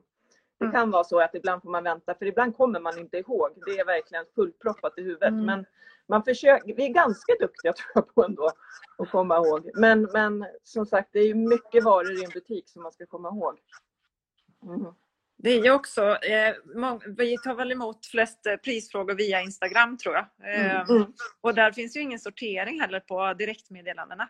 Så ibland får jag påminna kunder om att, eller om man får, säg att man får 100 meddelanden en dag. Eh, så hittar man inte det där som man skulle mäta eller eh, som man skulle återkomma om. Liksom. Så Ja. man kan få påminna oss ibland lite extra. Mm. Men det, det här är ju en vattendelare det här med prismärkningen och nu sitter vi ju tre personer här som inte har priser på Instagram. Och, det. och det finns ju jättemånga butiker som väljer att ha priser på Instagram så det är bara en, det är någonting jag, jag har valt att ha det så och om Mm. jag får kritik för det så, så förstår jag varför men, men det är ändå det som funkar bäst för mig. Och har gjort Man måste ta hand om sig Det är inte själv. så att jag är liksom envis eller, eh, eller Mm. oärlig eller något Mm. och hittar på priserna beroende på vem som hör av sig. Så där. Utan det, har, det är helt andra orsaker. Det är, det är det här vi har pratat om. Anledningen är aldrig att jävlas med kunden. Nej. För man vill ju ha bra förhållanden. Man, man vill ju ha... Precis. Så jag tänker det är så jätteviktigt att nämna det. Det är inte för skojs skull man gör det, utan man har sina anledningar för att man kanske inte hinner, man inte orkar och man, man har an, annat. Och det liksom bara inte funkar helt enkelt. Jag tycker det är ändå viktigt att prata om det. Eh, sen tänker jag, det här, ska vi se, nästa fråga. Vilka retrogrejer är mest svår, svårsålda just nu? Förändras det? Hur, hur är det? Trender i retrovärlden. Vad är mest svårsålt just nu? Det som är kvar i butiken. Ja. Precis, Ja. det som har varit länge. Ja, Men- jag tycker att det finns ju folk till allt. Man har olika smaker, man har olika intressen. Eh, jag kommer inte på någonting så speciellt som absolut inte går just nu. Jag tycker att trenden för retro second hand har ökat väldigt mycket. Och jag tycker det är eh, allt fler grejer. Alltså till exempel Furu som har varit svårsålt i väldigt, väldigt många år. Uh, börjar liksom röra på sig. Så, så att, jag vet inte. Har ni något speciellt så? Men jag tycker Men det är jag ganska känner- svårt att sälja vitmålade saker. Nu kanske vi pratar mun här. Eh, sånt som är vitt. Jag trodde det var lätt att sälja men det är det inte. Allt ska hellre vara grått nu. Mm. Eller teak eller så såklart. Då. Mm. Mm. Det är trender och jag tänker för att jag tänker också att ni är väldigt duktiga att uh, alla ni tre, alltså måste jag verkligen berömma för ni är så duktiga på marknadsföring, ni är så duktiga i sociala medier, i, i, på era Instagram, ni är duktiga på att lägga upp bilder och också samtala med kunderna. Och därför också väldigt duktiga på att hålla reda på trenderna och vad som liksom går bra. Och det är kanske därför ni inte har grejer som är svårsålda, för ni köper inte in de grejerna, ni vet vad som går. Mm. Vi försöker i alla fall. Ja. Men man lär sig ju. Det gör man ju längs liksom vägen. Det är klart att vi vet. Men jag tror inte att vi liksom jag tror inte någon av oss egentligen har så att man köper in och bara vill se. Alltså jag tänker så här, jag, vet att det kommer komma en kund på den här grejen. När jag köper in den så vet jag så här, men det här kommer några. Men sen gäller ju det att få dem till butik också eftersom vi inte skickar. Så det kan ju sitta jättemånga där ute som gillar de här. Men det är ju inte först det kommer en kund till våra butiker som vi blir av med dem. Mm. Därför kan de ju synas på bild till och från. Jag är inte ett dugg... Jag kan ibland höra så men den där har jag sett på bild flera gånger. Och jag bara, jaha, ja. Och rätt vad det är så kommer den där som, som den ska bo hos. Jag ser det som en pryl som ska bli adopterad och komma... Alltså, Precis, rätt person har inte sett det än. Så att... nej, det kom, man kommer bli av med dem till slut. Liksom. Det är nästan så varje dag tycker jag att det sticker iväg grejer som man tänker att det här blir mest svårsålt. Eller Man kanske tänker det här. Då, då sticker det först. Sen kan sådana här grejer som är helt uppenbara som man ser lite överallt verkar vara jättepopulära. De kan man få kvar lite längre. Mm. Men till slut så sticker ju det mesta iväg i alla fall. Jag tänker också att man inte ska köpa... Alltså jag köper inte in sånt som jag inte står ut med att ha kvar ganska länge. Eh, om jag tycker att det känns fint i butiken så, så kan det få stanna. Liksom. Då gör det inte så mycket att en- ett tag. Eh, Men det är inte så lätt. Ibland tänker man att men det här kommer någon att gilla. Men gillar man inte riktigt själv så lyser ju det igenom på något sätt. Ja. Precis, då hamnar det lite i periferin där borta någonstans. Ja, precis. Ja. Ehm, och det här, här är en, den frågan som jag fick jätteofta när jag hade butik. Och vad gör du annars? Har du ett annat jobb? Mm. Alltså, man såg Mm. alltid företagande och att äga en butik som något man gör som på skoj, som hobby. Fast jag stod i butiken typ sex dagar i veckan. Men folk undrade alltid, vad gör du annars? Uh, är det en fråga ni får? Uh... Ja. Mm. Mm. Jag Varje- tror, för min varje del gång. kan jag säga, jag vet inte om jag pratar för mycket. Nej.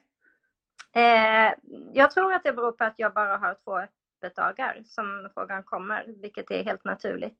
Eh, men, eh, och det var någon här som frågade om man kunde försörja sig på öppet två dagar. Mm. Och det kan man göra, absolut. Eh, man, får inte, man är inte stenrik liksom. Men det går att plocka ut en, en lön och få familjen att snurra liksom, tillsammans. Jag har sambo, så jag, jag är inte ensamstående. Hade jag varit ensamstående hade jag nog fått jobba ännu mer, tror jag. Men eh, jag... Eh, det, allt handlar om min, eh, mina rutiner och hur effektiv jag är i mitt arbete, hur mycket pengar jag tjänar. Mm. Det gäller att ha rutiner liksom för att fotografera. Under vinterhalvåret är det jättesvårt att, att hinna med att fotografera under de ljusa timmarna. Så då har man bra fotoljus så kan det vara bra att fotografera för hela veckan. Mm. Instagram publicering liksom, om man har den möjligheten.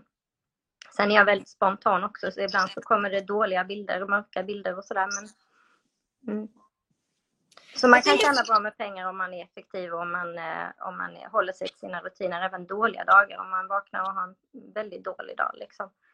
Så, eh, så får man bara bita ihop och, och köra igång och renovera en möbel eller eh, eh, fotografera något. Jag tänker så här för alla som tänker, åh, ni har bara öppet två dagar i veckan och hur kan ni tjäna? Alltså, jag tänker också att ni, alltså, folk måste förstå att man är, sitter inte sysslolös bara för att butik, själva öppettiden, att man står i butiken och säljer, för allt annat ska hinnas med. Och sen kanske ni säljer genom Instagram, eh, genom telefonen, alltså vad det nu kan vara, så att man kan fortfarande sälja fast butiken kanske inte är öppen. Eh, Många Så- varor försvinner ju liksom mellan, men, men det tror jag inte folk Jag tror att många Nej. tänker att jag har, jag har min butik på ett, ett ganska stort, eller stort, men för att, ett torg här i Uppsala.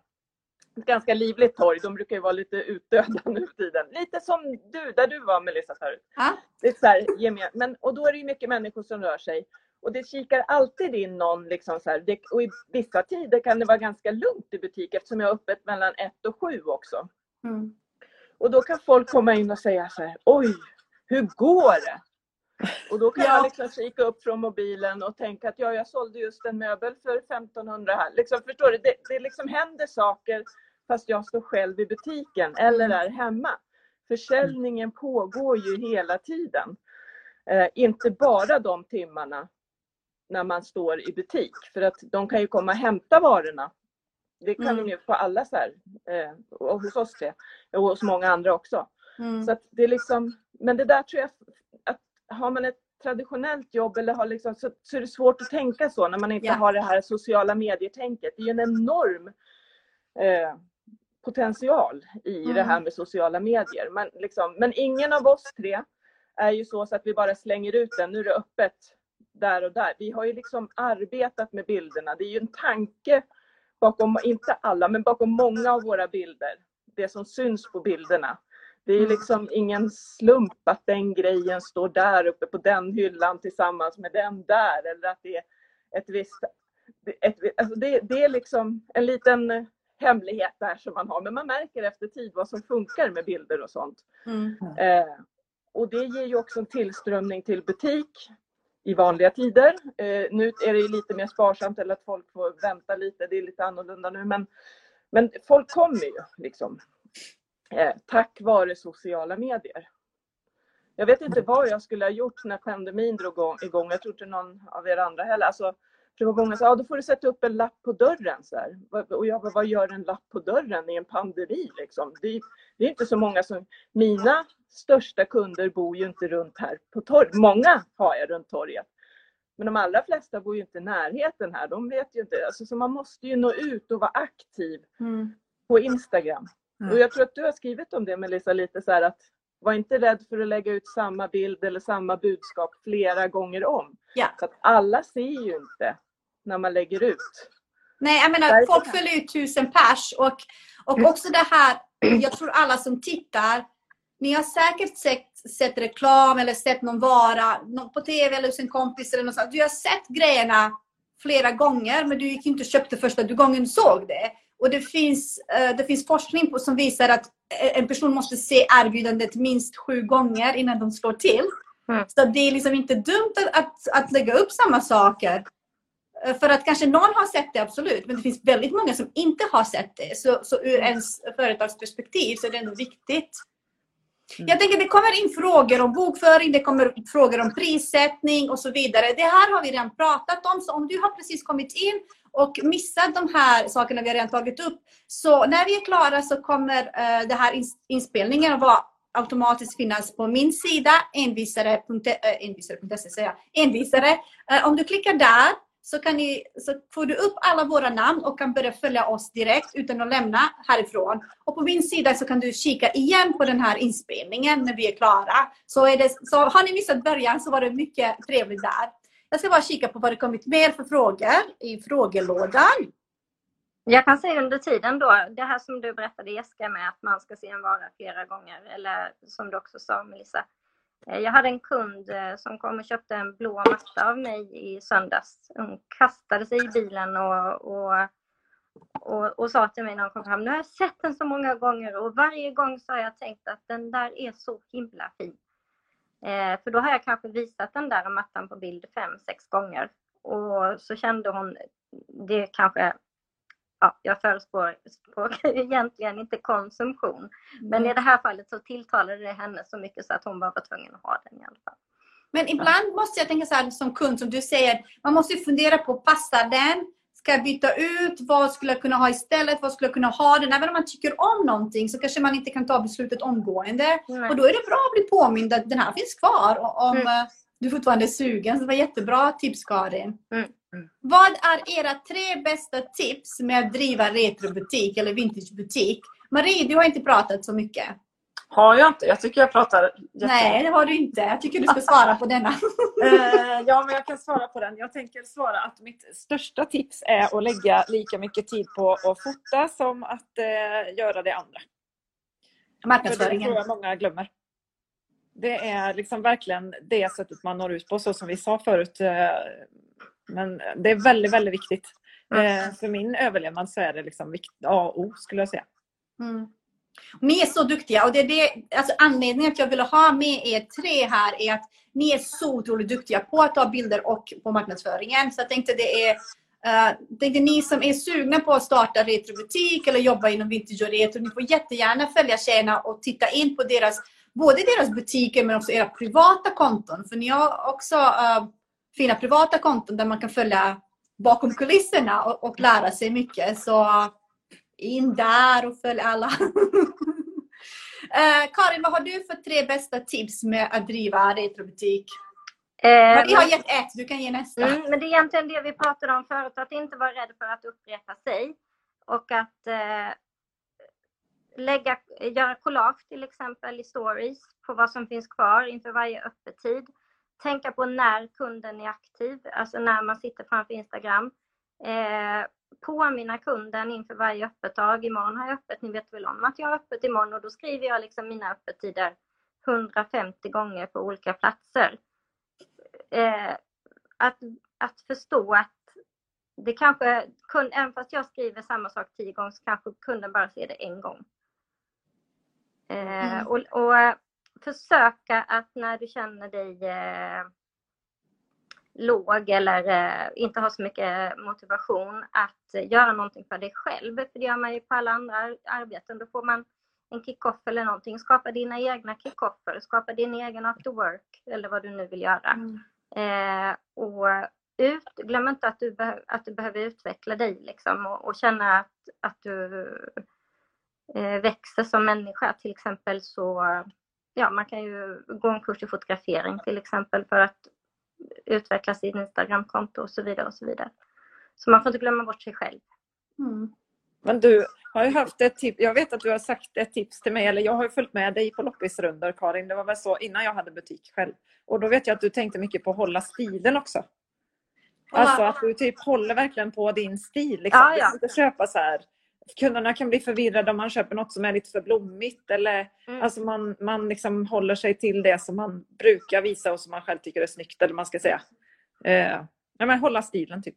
Mm. Och då är det också lättare för att vi fick mycket frågor om att, eh, hur vi får tag i grejerna och jag kan nästan ibland känna tvärtom. Att, eh, att man överöses av frågor om att ta emot saker. Och att det då är viktigt att hålla en nisch. Försöka liksom inte spreta för mycket. För då kan det bli så att butiken också spretar ju och så kan det bli så att du inte når ut till din kund som du vill ha. Och så ger det Eh. väldigt mycket merarbete i Ja. form av städ och röja. Jag tänker säga till alla de som hör mig tjata om det här som Karin säger, ni ser att det inte bara jag. Ni måste nischa er, kunderna måste veta vad ni har. Vad har du att erbjuda mig? Eh, Men det är du som har lärt mig. Alltså, jag sa tjatat om det. Men jätte, jättebra Karin, bra att du tar upp det. Jessica, har du något bra tips om jag nu vill skulle starta retrobutik eller vintagebutik? Vad skulle du råda mig? Eh, Gör inte det. ja, nej men alltså först och främst att ha sociala medier. Det man tycker är kul själv, den kanalen. För mig var det Instagram. Eh, Mm. Och jag hade det redan innan. För jag, min första lokal var ju liksom i Eriksberg, Uppsala. Ingen ont om det, men det är liksom ingen centralort för shopping om man säger så.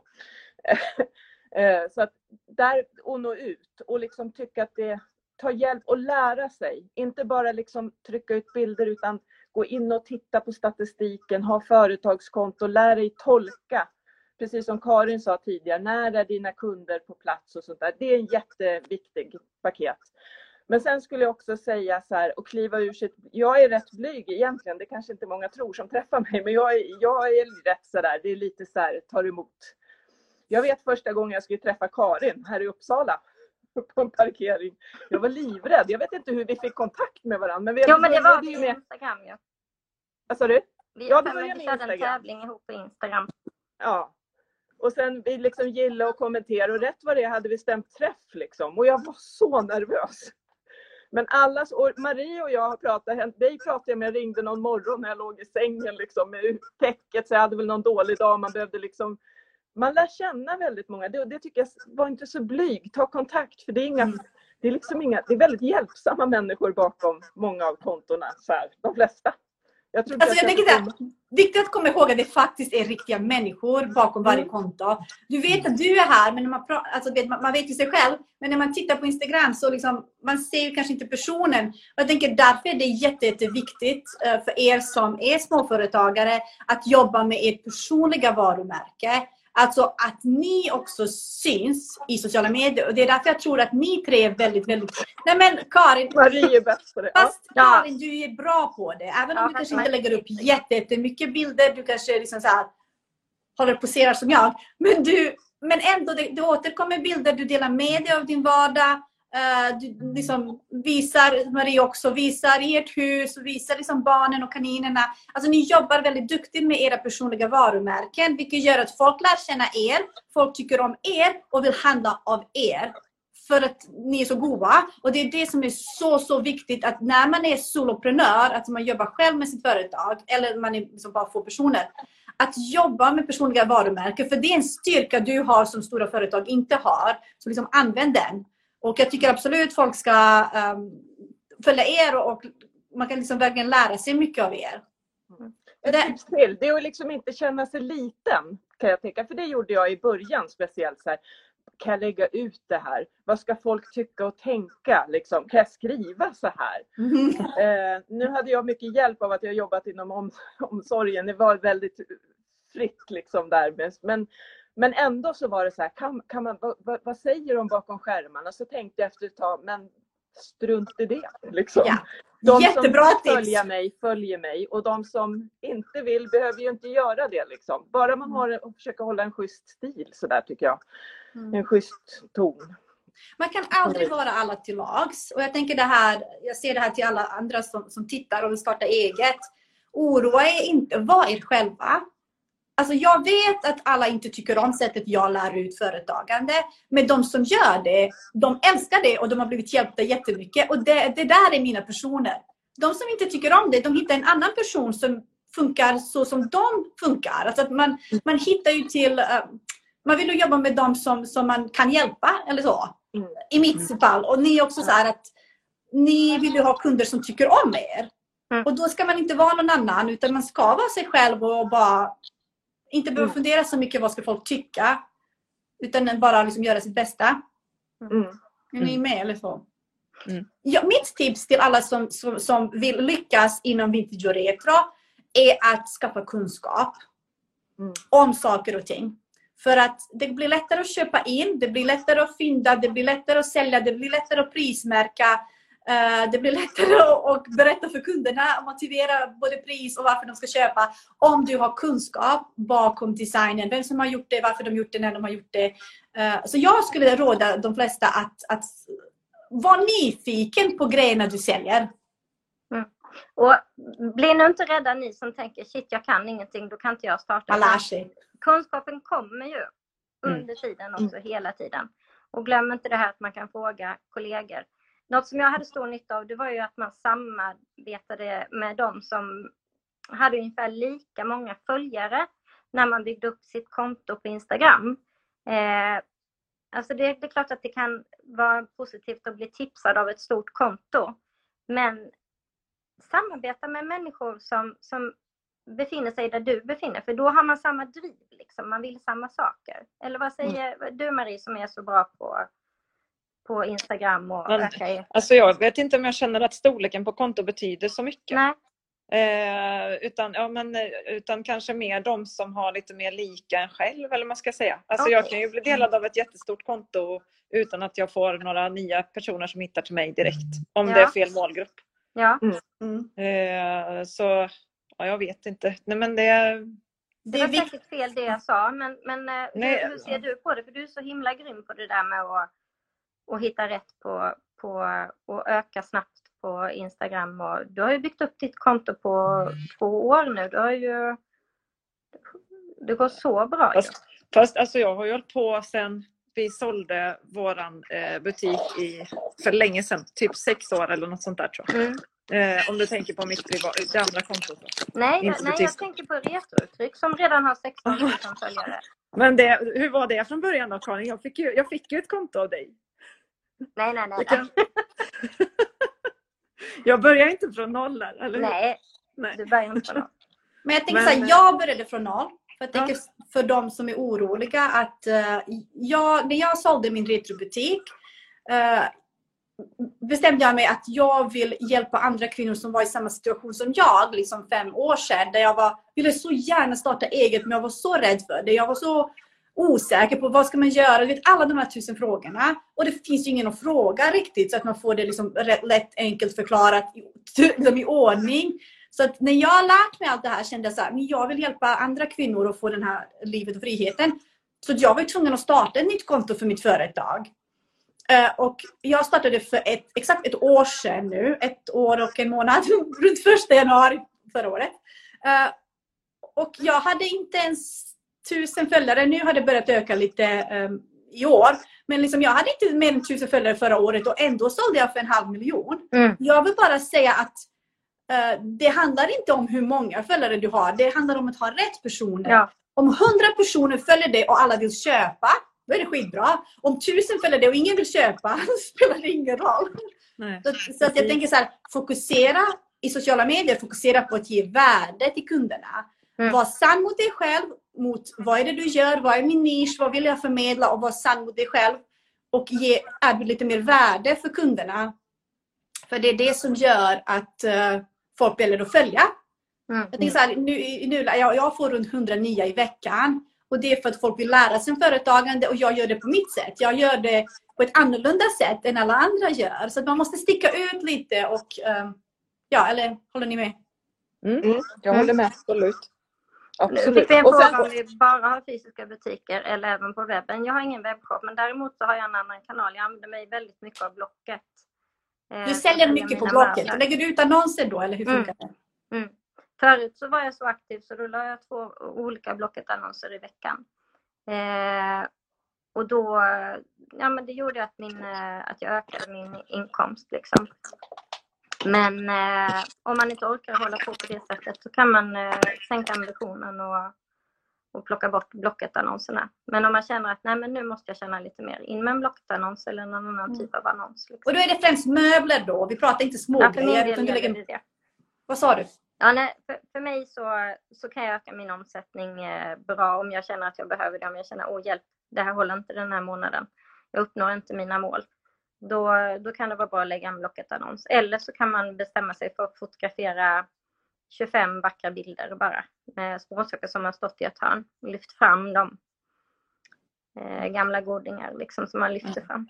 Mm. Mäta dem och skriva. Mm. Också Mm. ett bra tips. Mäta, ja. Det är bra.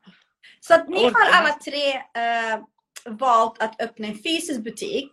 Vill ni berätta varför ni... För väldigt många säljer vintage och retro, eller överhuvudtaget. Många har webbshoppar och säljer allting online utan att ha en fysisk butik. Vad är anledningen att ni tre öppnade just fysiska butiker? Jessica, vill du börja? Eh, nej men alltså, jag tycker ju om att träffa människor. Jag tycker om det sociala mötet. Det, det, det är också roligt med, med det här med sälj. Och jag hade ju ett så socialt jobb innan med mycket öppenhet och prata med de som jag hade omsorg om då. Liksom. Så att jag, jag kände att jag liksom ville kombinera sälj med det. Eh, och också liksom det här med handla lokalt och miljö. Alltså det, det, man får ju uppskattning när man... Jag tycker det är roligt att liksom befinna sig i ett mindre sammanhang. Mm. Eh, sen så är det jätteroligt när man får långväga besök också, för det får man ju. Men liksom min vardag, det är ju liksom här i, Mm. på Torbjörns torg i Uppsala. Människorna som rör sig här. Man lär känna folk och man lär känna folks vanor och de, en del kikar in och ropar hej. Alltså det är ju, det är ju väldigt mycket härlig feedback man får också. Eh, inte bara kränga varor liksom. Mm. Och när man jobbar själv så är det ju väldigt viktigt det här tycker jag. Att man, liksom, man dränerar sig själv annars. Så. Sen så hatar jag att packa paket. Alltså vet ni hur mycket tid det tar? Pappa kan du inte skicka? Förlåt. Alla, så, ja, det är jättekul att ni vill att jag ska skicka. Men vad fan, det tar ju skitlång tid. Jag ska leta upp en kartong. För det är inte så att man har en verksamhet där man beställer hem kartonger och skickar samma grejer. Det vore ju en annan grej. Utan jag ska leta en kartong, jag ska ha förpackning. Och har jag inte det, förlåt. Nu går min batteri ner här. Det här är, så här, det här är typ retro. Nej men alltså det tar så lång tid. Jag ska boka. Jag ska gå med paketet. I bästa fall hämta kunden ut i tid, annars får jag tillbaka paketet eller så ångrar de sig. Alltså nej, jag vill inte jobba så. Ni får komma till min butik, ni är varmt välkomna. Men det är inte min grej. Det är inte min grej. Alltså jag kan förstå att, att vissa kunder kan tycka men herregud, du ska ju sälja och du ska liksom Uh att, man all, att kunden alltid har rätt och att ha rätt att få som de vill. Ja. Men jag tänker så här, som, som äh, egenföretagare, det är så viktigt att ta hand om sig själv. Det är redan jätte, jätte, jättemycket jobb att driva en retrobutik och man måste ta hand om sin egen hälsa och se, okej, vad klarar jag av rent fysiskt? Vad klarar jag av? Vad, också vad roar mig? För man driver ju butik lite för sin egen skull också Mm. Är det här någonting som känns jobbigt och det tar för mycket tid och det lönar sig inte, alltså rent ekonomiskt heller, att lägga liksom tre timmar på att skicka ett paket och tjäna 20 spänn på det. Det lönar sig inte ekonomiskt. Och som företagare måste man räkna på sånt.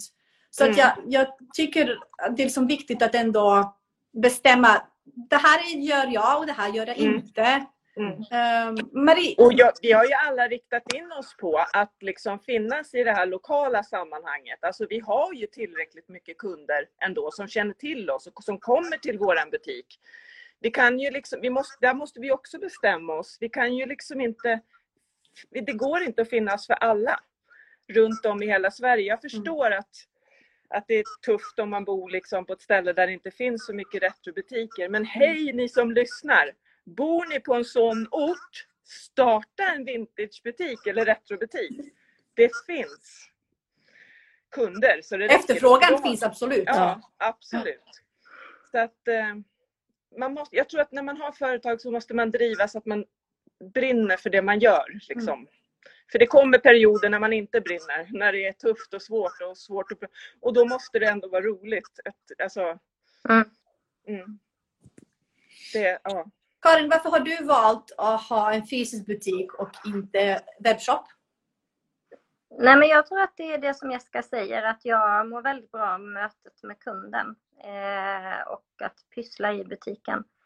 Eh, jag är inte så teknisk heller så att eh, det var nog en kostnadsfråga också från början att by bygga en webbshop och, Mm. och sen så, det går så himla fort. Det finns ju bara en sak av varje och om jag då lägger in ett, jag, jag tror aldrig jag skulle hinna lägga in ett bord i en webbshop eh, innan det blev köpt liksom. Ja. Så att eh, i så fall, om jag, om jag hade all tid i världen och alla pengar i världen så skulle jag ha en webbshop där jag la in saker som, har, som finns kvar i butiken. Mm. Men det hinner jag inte. Nej. Alltså den tiden känner jag inte att jag har. Eh, men jag, jag ser kollegor som gör så och jag imponeras av dem. Mm. Men jag tänker man, man prioriterar olika kanske Mm. Karin. Vissa, vissa människor har valt att prioritera den tiden och de kanske har köpt in massa paket och lådor och Mm. förberett och är liksom så här. Det är så här som, du, som man tänker så här, när man startar eget. Vad, vad ska jag göra? Vad vill jag syssla med? Hur ska jag lösa det? Mm. Och det finns ju butiker som har bestämt sig att jag vill jobba online, jag vill ha en webbshop och då avsätter man tid för det och då kanske man har eh, mindre öppettider i butiken eller jag vet inte, jobba på ett annat sätt. Man kanske har en personlighet också som gör att alltså man vill hålla på med det här och man är jätteintresserad av vintage. Men man kanske inte är som vi. Jag är ändå, som jag sa lite förut, ganska blyg. Det var ju lite jobbigt i början när man startade butik för man måste ju stå för precis allting när de kommer in i butiken. Va? Det är jag som har prisat, det är jag som har ställt det så här. Men man kanske är en sån person eh, som inte klarar av det alls, som är väldigt introvert men man vill ändå sälja. Då är ju webbshop en fantastisk grej. Då kan man ju jobba hemifrån och liksom Mm. så det har ju också att göra lite med vad man är för slags person själv, Mm. tror jag. Mm. Så det, det finns ju många möjligheter för olika slags personligheter att ändå verka i samma bransch. Mm, Man absolut. kompletterar varandra. Och jag tänker så här, man kan jobba väldigt mycket på sociala medier och ha det som butik där man liksom lägger upp snygga bilder och inspirerar till eh, att, att köpa second hand istället för att konsumera. Jag tänker, det, jag tänker det är så roligt att se att det är så många som just inom kläder, second hand-kläder och vintage har börjat bli lite mer uh, lyft.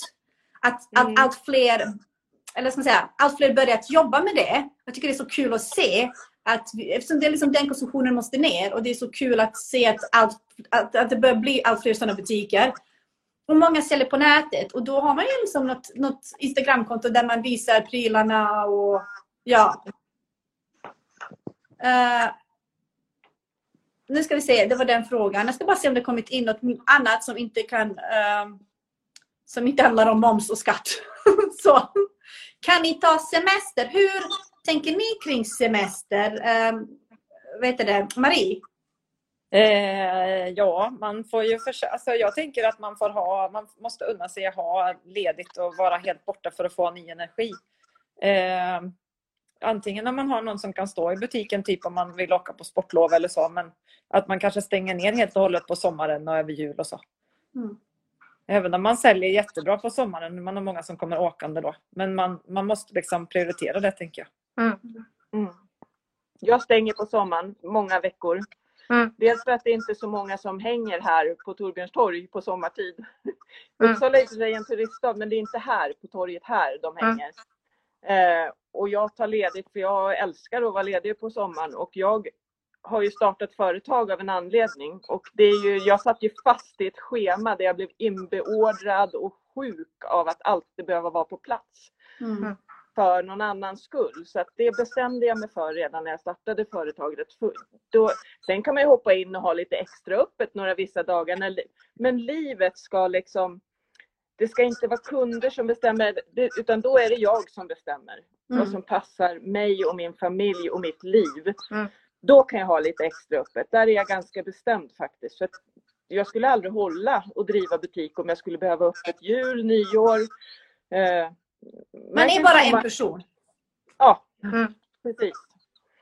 Eh, Så att det, det tycker jag att man ska vara ganska noga med om man ska starta eget. Det tar mycket energi, det tar tid. Det är viktigt, som Karin sa också, att satsa på att göra liksom lite egna saker som man mår bra av. Och inte bara Man kan jobba precis hur mycket som helst om det Mm. skulle vara så. Ja. Och det gör man ju. Mm. Mm. Karin, hur tar du semester? Vad sa du? Hur, hur tar du semester? Eh, ja, jag har- blivit bättre på att ta semester eh, ju, ju längre jag har jobbat. Eh, jag var på en nätverksträff eller på en kurs med, med Katrin Båt och Malin Lindner. Och de, när vi skulle lägga vår budget eller vårt schema för året och planera året så, så sa de börja med att planera in när ni ska vara lediga och så bygger ni året ut efter det. Det, det är så jag gör. Det är så Ja. jag gör i januari. Första veckan i januari planerar jag hela året. Och det första jag gör är att planera in alla semestrar. Så Mm. när, när folk, när, alltså, folk tror att man lägger in semester där man kan. Mm. Planera livet och jobbet runt semestrarna istället för att ta ledigt när, när, om det ens är möjligt. Det låter så här, väldigt lyxigt kanske, men, men om man tänker så här, okej jag har en hyra som jag måste plocka in eh, under, eh, i alla fall tjäna in lite pengar. Om jag inte vill krascha hela min budget genom att ha fem, sex eh, semesterveckor på Mm. sommaren så kanske jag kan tänka mig att ha öppet en söndag och Mm. planera då marknadsföringen inför den. Eh, Mm. Visa vad du, ta en bild på bilen när du varit på loppis med massa grejer i en hög bara. Och så säger du, jag, har, jag kommer ha öppet på söndag. Eh, mitt i semestern, bara en Mm. dag. Och då, jag har tjänat massa pengar då. ja, Jättebra och tips. Då, då drar jag in till hyran liksom för de två månaderna jag inte är på plats. Mm. Alltså ett, ett stort problem för och varför många småföretagare kämpar är att man har inte en plan från början. Alltså skriv en affärsplan, räkna på budgetar, räkna från början hur du ska göra. För att om du planerar hela året så vet du hur mycket pengar du måste dra in för att kunna täcka uh, din lön för varje månad. Så man planerar ju in den där semestermånaden. Du ska ha lön, lön det då också. Men då måste man ju planera in det att, uh, att budgetera in det på resten av månaden, - att De pengarna ska dras in uh, under annan tid. Så liksom man, man, man, man drar inte pengarna alltså in och ut direkt. Utan man måste planera sitt företag. Och liksom tänka på att det är ett företag du driver. Det är inte bara en hobby där du bara säljer lite. Utan det är ett företag du driver och du måste ha en plan med det om du ska lyckas med det. Mm. Eh, kul att det fortfarande är så många som tittar live. Ni som tittar, om ni vill följa tjejerna, se hur de eh, jobbar med att driva retrobutik och hur duktiga de är med sina Instagram. Och om ni vill lära er mer om hur man startar eget så kan ni trycka på här och så kan ni följa oss alla fyra utan att lämna liven. Så går jag till nästa fråga. Ehm, mycket frågor om moms och sånt så att jag hoppar över det. För Kan inte jag få att- säga en sak till med öppettider och, och semester? Ja absolut, sådär? prata på du. Jag Eh, håller på att leta frågor här. Det, jag, har, jag jobbar med iSettle och där, finns ju en, eh, där får man kassarapporter. Eh, och där får man också statistik på sin försäljning under året. Eh, när jag ska planera mina öppetdagar för kommande till exempel julhelg eller så, så går jag tillbaka i min statistik i kassaapparaten och tittar vad jag haft för försäljning olika dagar. Jag kollar till exempel, eh, ja, du, du och jag snackade om det Marie inför julen här. Ja. Eh, hur var det nu? Vilken datum hamnar julen? Är det en fredag på julafton? Och när är folk ute och handlar och när ska jag ha öppet? Då tittar jag liksom tillbaka i statistiken, tre år tillbaka kanske, och så tar jag beslut om vilken dag jag ska ha öppet. Eh, Smart. Bra tips.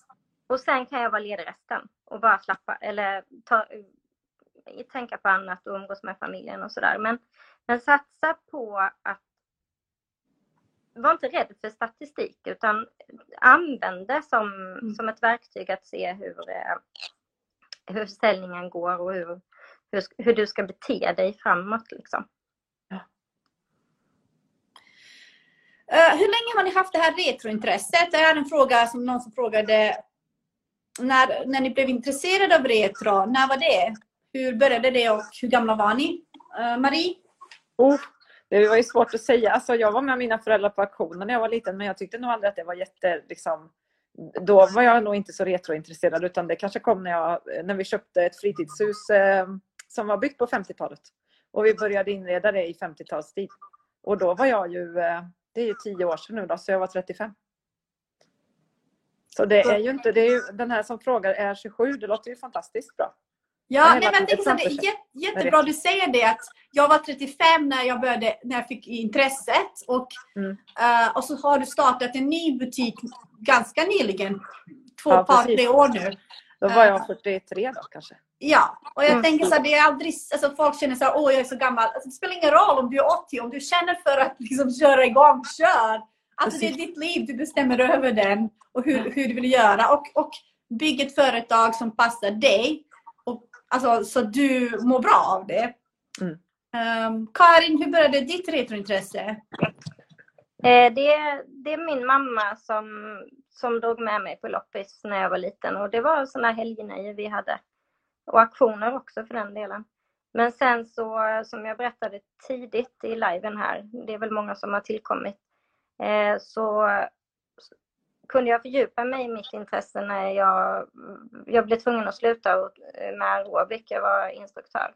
Och, och det är ju väldigt nördigt att vara instruktör också. Då har man koreografier i huvudet. Så jag var ju väldigt upptagen. Eh, och så blev jag ledig i huvudet. och då, då ville jag fylla min, min, min tid liksom med det det här retrointresset. Och det var då det startade och då var jag ju, ja, 35 kanske? 34. Jessica, hur var det för dig? Ditt retrointresse, när började det? Nej men alltså jag är ju uppvuxen med en mamma framförallt som älskar glas. Alltså jag har hängt på glasbruk och älskar finsk design. Hon, hon tyck, har tyckt mycket om sånt. Det har funnits i mitt, mitt liv så liksom, i vardagen, små vardagssaker. Då har vi ändå inte varit en sån familj. Men mamma gillade såna saker. Hon satsade på kvalitet. När hon väl köpte något så satsade hon på kvalitet. Så jag har sett de här sakerna eh, i mitt hem. Ittala glas och liksom allting och i min närhet. Men sen träffade jag min man strax innan jag fyllde 30 och han var van att gå på aktioner mycket med sin, sin familj eller sin mamma. Eh, och jag hade då precis eller ganska nyligen separerat och börjat sälja av mitt hem insett hur mycket saker man har skaffat. Alltså jag stod och sålde jätte, jätte, jättemycket på loppisar för att få ekonomi och köpa liksom nya saker och då upptäckte jag det här. Fasiken vad mycket tid man har lagt på att köpa efter säsong när man var ung och flyttade hemifrån. Förändra sitt hem, man trodde att man skulle behöva byta färg varenda säsong och man sprang på de här stora varuhusen och billigt och de skrek efter en. Jag har verkligen levt det livet också när jag flyttade hemifrån. Och det där gav ju liksom bara överfulla förråd och det var jättejobbigt att göra sig av med. Men där någonstans föddes ju också den här tanken om att eh, liksom var sk- en skön grej och liksom ta, återbruka, ta tillvara och så mycket vackert det finns som inte ögonen ledsnar på lika fort som det här massproducerade. Så att sen, det där har bara vuxit på. Vi har sprungit på bakhockeyloppis framförallt tror jag, runt om i landet. Eh, aktioner, men nu har ju det minskat lite. Det finns ju inte lika mycket längre, sådana här bondaktioner och så. Nej. Eh, så till slut blev ju liksom våran vind överfull. Så när, det här, när jag blev sjuk på mitt vanliga jobb så blev, kändes det ju som att ja, men det var ju så givet och liksom. Jag har fler att sälja. Ja, Alltså jag skulle så du? Ja, gärna alltså, vilja, Men min man jobbar kvar på sitt vanliga jobb. Men, vad sa du? Jag skulle Ja. så hemskt gärna vilja röja runt på er vind. För jag har hört så många gånger om den där vinden, hur mycket grejer ni hade där. Ja, fy fasiken Alltså du kan alltså. fortfarande hitta lådor ju. Och så Ja. bara öppnar du dem och så är det bara så mycket fina saker. Ja. Vi Det har är lite pensionsspar det på typ vinden dröm, också. Det är en våt dröm för mig. Ja. Vi vet liksom inte riktigt själva vad som finns där. Nu har vi rensat ut ganska mycket. Så för, men alltså det är... När man har så kul, det är som Karin sa, folk undrar, de är mest oroliga för när de ska starta retrobutik, hur de ska få tag på grejer. Jag kan säga, precis, tycker jag alla skriver under på, det är inga problem. De kom, grejerna kommer hitta er. När man är intresserad av någonting och börjar liksom leta, Mm. Man får snarare säga stopp. Liksom. Mm. Stopp, stopp, stopp. Men jag tycker det är väldigt bra det Karin sa, att man är tydlig med sin egen stil och intresse. Ja, För precis. då kommer folk att tänka på er. Det hände till Mm. exempel så här, eh, jag var ju väldigt intresserad av vintagekläder. Vintageklänningar, speciellt när jag hade retrobutik. Jag hade alltid färgglada vintageklänningar på mig. Och då är det, jag är det första folk tänker på när det gäller om de har liksom retro, eh, eller vintage, färgglada vintageklänningar att sälja. Och det, det är samma sak, så här, vem säljer lantligt? Vem säljer så här, plastskrikiga färger från 70-talet? Vem säljer 60-talsmöbler i teak? Att man liksom har den här eh, personen i huvudet, tänker jag. Och jag tänker så här, när man startar eget inom retro, att man kanske väljer en nisch. Att, Mm. eh, det blir mycket enklare så. Men Mm. tänk om man inte vill sälja det som man tycker är allra finast. Då, liksom. Alltså man förknippar, jag kanske är förknippad med kaffekoppar. Jag inte jag tänker det är en bra fråga. Ja, Det, vet du vad, det är en jättebra fråga. Hur klarar ni av att göra er av med alla fina grejer? Marie, vill du, vill du fortsätta på det? det? Ja men alltså just kaffekoppar det säljer jag inte mycket av till exempel. För de eh, vill Ja, man du gärna allt. till sig. Alltså jag rensar inte ur kaffekoppar här hemma och säljer. Eh, jag vill ha kvar dem. Men annars så, så tycker jag ändå man ser så otroligt mycket saker. Så det har faktiskt blivit lättare att göra sig av med grejer. Eh, För att man ser hur mycket det finns. Liksom. Det finns ju mängder överallt. Det kommer mer Ja. liksom. Ja, Mm. det kommer alltid mer. Så man kanske inte behöver ångra sig. det Nej. blir väl lättare att släppa saker hemifrån tycker jag. Även om man inte släpper, vi har våra Ekeby golvvaser till exempel som vi aldrig skulle släppa så. Men andra saker är ju lättare att släppa sen man började med retrobutik. För man vet att man kan hitta saker igen. Mm. Eh, och man kan, det är, ibland är det ju skönt att variera sig lite även om våran inredning är ganska... Jag tror att när man startar retrobutik så har man ändå kommit en bit på vägen så att man är ganska färdig hemma. Alltså man har en grundfärdighet som man kan pussla om lite och sådär och ta in lite. Men man behöver liksom inte börja om på nytt så då blir det ju lättare att släppa Mm. till butik. Ja. Och sen glädjen att se någon annan som blir glad av det som du själv tycker är fint. Och Mm. eh, faktiskt också säljdrivet har jag märkt att jag har. Och säljdrivet kan få mig att släppa någonting som är väldigt vackert som jag kanske egentligen skulle vilja behålla hemma för att jag vet att jag kan försörja mig på det om jag säljer. Alltså Mm. säljet är en viktig faktor för mig och eh, kundens glädje liksom. Låter ju som en klyscha men, men, Men jag verkligen håller med dig. Jag skulle precis säga, om inte du hade sagt det hade jag precis sagt det. Jag tycker det var så roligt när folk blev så glada i butiken. Mm. När de hittat någonting som mormor haft. Alltså du vet, hade jag fått en krona för varje mormor hade en sån hade jag blivit liksom pensionerad på Aruba nu. för att den där nostalgin som gör att folk köper och när jag ser deras glädje. Det var, det var en äldre dam som var i butiken en gång, uh, vet inte hur, kanske var det närmare 90. Och hon hittade en, en, en sån här, man vrider upp en leksak i metall. Och hon sa, min kompis hade en sån när jag var liten och jag har alltid önskat mig en sån och nu köper jag en sån. Mm. Och vet, hon var så glad över den. Jag, alltså, vet, jag behöver inte den här saken när jag ser att det glädjer någon annan. Så jag förstår det precis Karin vad du menar. Sen har jag ju självklart saker som jag eh, inte släpper. Vad släpper du inte? Telluskrukor har jag nog aldrig sålt någon i butiken. Evald Dahlskog har eh, eh, formgivit en jättevacker kruka som heter Tellus. Eh, och det, mm, nej, det, Nej. det får de inte se i min butik. Jessica, vad släpper inte du? Det är golvvaserna Uppsala Ekeby men också golvvaserna Evald Dahlskog. Han är ju helt fantastisk. Mm. Det är liksom något alldeles extra. Så det, det, det ska mycket till innan man släpper något sånt. Men du släppte en väldigt fin vas till mig en gång Jessica. Ja, det gjorde jag. Men den bor ju fint hos dig Marie. Ja, det gör Då den. skickar jag också. Va? Den är här. Säg du inte att du den. inte. Du får lyfta upp. Ja, men jag kände att den skulle bo hos dig Marie. Va? Då gjorde du det. Då kunde du frakta. Och, Ja. ja.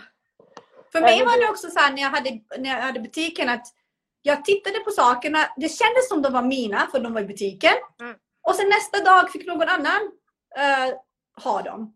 Mm. Alltså det kändes som att jag haft dem en liten stund. Mm. Fast de kanske inte var hemma. Men, men även butiken kändes ju lite som hemma för mig. Mm. Eh, så då var det inte, det känns som att ah, men jag har haft den här så nu kan någon annan ha det. Typ. Jag tycker man det är känner lite så här, sig som en vi liten så här. här... De, Ja, de är i butiken ett tag så man kan vänja sig av med dem. Ja.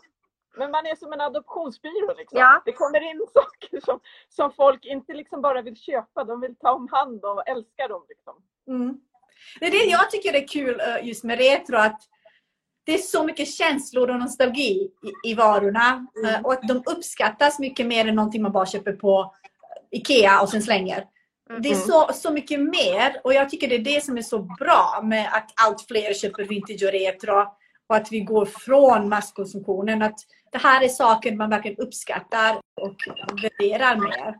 Mm. Jag ska bara säga, jag tänker så här, alla ni som har ställt frågor och de handlar om moms, de handlar om skatt, och de handlar om bokföring, de handlar om räkna och sådana saker.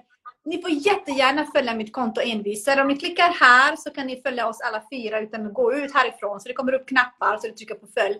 Där förklarar jag hela tiden och berättar och så har jag en, en kurs också där jag lär ut sånt här. Jag tänker det är inte så här jätteroligt att vi sitter och förklarar moms i den här sändningen.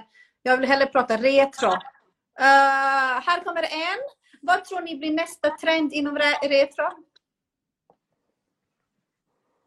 Åh herregud. Ja. Glas. Furu, kom igen Furu! Alltså, Nej men jag tror... Jag, vill någon annan ta? Jag tycker jag pratar hela tiden. Nej, ta, du, kör. Jag kan ta lite sen. Ja. Jag, jag ser en massa färg framöver. färg. Jag upplever att det har varit mycket, mycket beige och rotting och jag tror det kommer hålla i sig eh, brunt och, och liksom naturnära färger. Men jag tror att man kommer vilja ha en accentfärg eh, framöver. Eh, och jag ser redan trender att det, det blir lite starkare färger. För det har, jag tycker att det har varit stilla ganska mycket med knallgult och, och mm, knall, ja, starkt blå Kornblått och rött och ja. Mm. Men jag tror på accentfärger framöver. Eh, och det, Jag skulle det- bra fråga de yngre kunderna. Jag har kunder som kommer in och frågar. Liksom, jag blir lite ställd då också för det är liksom 80-90-tal nu. Och jag blir så här, på 90-talet, jag var 23, jag fick mitt första barn när jag var 95. Jag var liksom så här, vad var det som var inne då? Alltså jag var en helt, jag var inte liksom inne på den. Du får googla. Vad var inne Ja. 95? Ja, men jag får inte ihop det i alla fall. Men jag brukar fråga mina kunder så här, för då börjar man få sig en liten bild och så kan de tipsa om lite Instagram-konto man kan följa. Så man ska inte tro att man är liksom proffs. Alltså vi är bra på det vi gör, men om man ska, som Karin sa, utbilda sig så är det bra att hålla sig lite ajour med sina yngre kunder tror jag. Det är... och kollegor, yngre Och kollegor. kollegor, ja. Just det, ha koll på andra liksom. Ja. Jag tror att eh, glas kommer. Hur menar du? Vad för glas? Dricksglas? Glas. Alltså jag säljer mer och mer glas. Jag säljer liksom, eh, förr sålde jag alltid kanske mest porslin, sen keramik och sen sist glas. Men nu säljer jag ju absolut mest glas. Typ eh, vaser, eh, ljuslyktor, skålar. Allt möjligt, gärna i färgat glas. Kul! Och även transparent glas. Ja, Mm. ja men Jag precis. Och det är ju... På tal om färgat glas. Karin.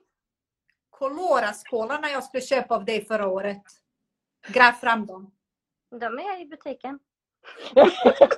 Vi hörs efter den här När liven. kommer du? På tal om färgat glas. Nej men alltså ja. Och, och Svenskt Tenn hade en bild eh, i sitt flöde med bara transparenta glasvaser och massa blommor och tulpaner och sådär. Mm. Och eh, de sätter ju väldigt mycket trender. Nu pratar jag om ett enskilt varumärke så men, men Vem, eh, vem sa du? Förlåt, jag hörde inte. Firma Tenn, okej. Mm. Och ja, man kan titta på influencers också eh, och nörda ner sig om man känner att man vill det och kolla på trender. Eh, hur de beter sig, vad de tar in hemma. Mm, för att lära sig. Jag tycker det är ändå... eh, alltså, jag skulle säga till alla som köper retro, köp det du gillar, skit i trenderna. Men jag tänker som företagare är det ändå väldigt, väldigt viktigt att följa trenderna för att trenderna finns. Det kan Ja, man inte självklart. undvika. Och vill Mm. man hänga med och sälja bra så måste man ändå ha koll på vad folk efterfrågar helt enkelt. Jag tycker det är jätteviktigt. Mm. Uh, ska vi se. Lila som färg tippar flera här i vad heter det? I, i Ja. kommentarerna. Det vet, det vet jag också men jag vill inte säga det. Jag vill inte dela med mig för då kommer det inte finnas några lila saker att köpa på loppis. Ja, ja. Visst är det? Jag, jag har också märkt det där lila. Det har liksom bara poppat. Vad är grejen med lila? Det är inte ens fint med lila. Jo, Jo, Men, lila glas särskilt. lila glas. Ja. Det är bra att vi har olika smak så att jag kommer inte konkurrera med någon som vill köpa lila. Man ska inte avslöja allt. Man måste ha lite företagshemligheter. Just det, Ja. vi säger inte alla trender. Vi säger inte lila. Men jag tänker också så att ni sätter egna trender. Ni har ganska stora konton, ni, eh, folk följer er och uppskattar er kunskap och det ni delar med er. Och jag tänker så här, sätt trender som företagare. Ta snygga bilder på saker som ni tycker är jättegrymma och tycker att, fler borde köpa. Gör snygg inredning. Och speciellt de här genomskinliga vaserna tänker jag är en sån grej som inte varit uppskattat. Det finns ju så många fina kristallvaser som är hand... eh, Vad heter det när man ristar in i glas? Etsade, sån här, eller sån här Graderade kanske. graverade. Etsningar. Graverade. Ah. Det finns ju så mycket vackert som jag känner att, att folk inte riktigt uh, sett värde i och det kan man ju sätta egna trender. Mm. Ehm, Mm. Alltså nu, de, de frågorna som har kommit in är frågor som redan har varit. Eh, så jag tänker ni som har ställt frågor och inte fått dem besvarade. Det beror på att vi har svarat på dem tidigare. Vi har kört i två timmar nu. Så vi har typ svarat på allt. Eh, så när vi har slutat här, först gå in här, följ oss alla. Och när vi har avslutat så går ni, går ni in på mitt konto envisare. Och då kan ni titta på det här från början och så kan ni höra kring det här hur de resonerar kring, kring prissättning bland annat och så vidare. Någon, Eh. eh, jag såg eh, någon fråga hur man får, många, hur man får följare. Eh, Mm. Det kanske vi också kan svara på. Jag tänker att det bästa är att försöka interagera så mycket som möjligt med andra. Var titta på- social i sociala medier. Precis. Titta på, på andra konton, kommentera och liksom bry dig om. Mm. Ehm, ja. Och du? finns. Alltså del, dela andra om du ser något konto som du gillar. Men dela med dig av det till de andra. Folk älskar ju tips liksom. Mm. Man behöver liksom inte... Jessica är jätteduktig på det. Och jag Men det är tror att... allihopa vi. Jo, ni också. Men Ja. jag tycker du är lite, lite mer. eh, Ja, eller så, inget mot er andra, ni är också jättebra på det. Men jag tycker att Jessica verkligen är, gör det medvetet ganska mycket. Och jag vet att du har fått frågan, varför gör du det? Varför gör du reklam för andra? Eh, hur, hur tänker du kring där? Varför, gör du, alltså, varför delar du så mycket av andras? Framförallt när jag startade butiken då 2014. Det hände ju mycket på några år. Det har ju hänt jättemycket med sociala medier. För Instagram var inte alls lika Mm. stort då. Men då fick jag ju de som var med då bara, men hur kan du göra så här? Är du inte rädd att du inte ska sälja någonting? Eller, ja, alltså de trodde att... Och jag förstod aldrig riktigt det där tänket. Jag har liksom inte...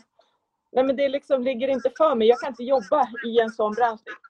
Även det jobbet jag hade innan så samarbetade vi mycket med andra ställen. Och det, jobbet och vardagarna blev ju så mycket lättare. När man, man behövde inte alltid vara ense eller göra likadant, men man kunde hjälpa varandra och samarbeta och ge tips och råd ändå. Liksom. Mm. Eh, Eller bara ringa och prata med varandra om det var en jobbig... Så att jag menar... Och sen så är det viktigt att påminna sig själv att jag fick ju jättemycket hjälp av andra när jag började. Det försöker jag tänka nu när jag har växt själv och blivit ganska stor. Man ska inte bli liksom stor och mopsig. Ja, Eh, utan liksom jättebra. tip- tipsa om andra. Och ta, jag tycker det är skitkul att följa sådana som startar upp som är nya som kanske bara har två, tre, 400. Man ser att det här kommer ju bli någonting. Liksom. Ja. Då vill man ju varit med där och bara såg ni, jag såg det här. Man måste börja någonstans. Alltså jag har Ja. delat sådana konton där folk har fått, när jag hade mitt företag och, och större konton än den som jag har nu.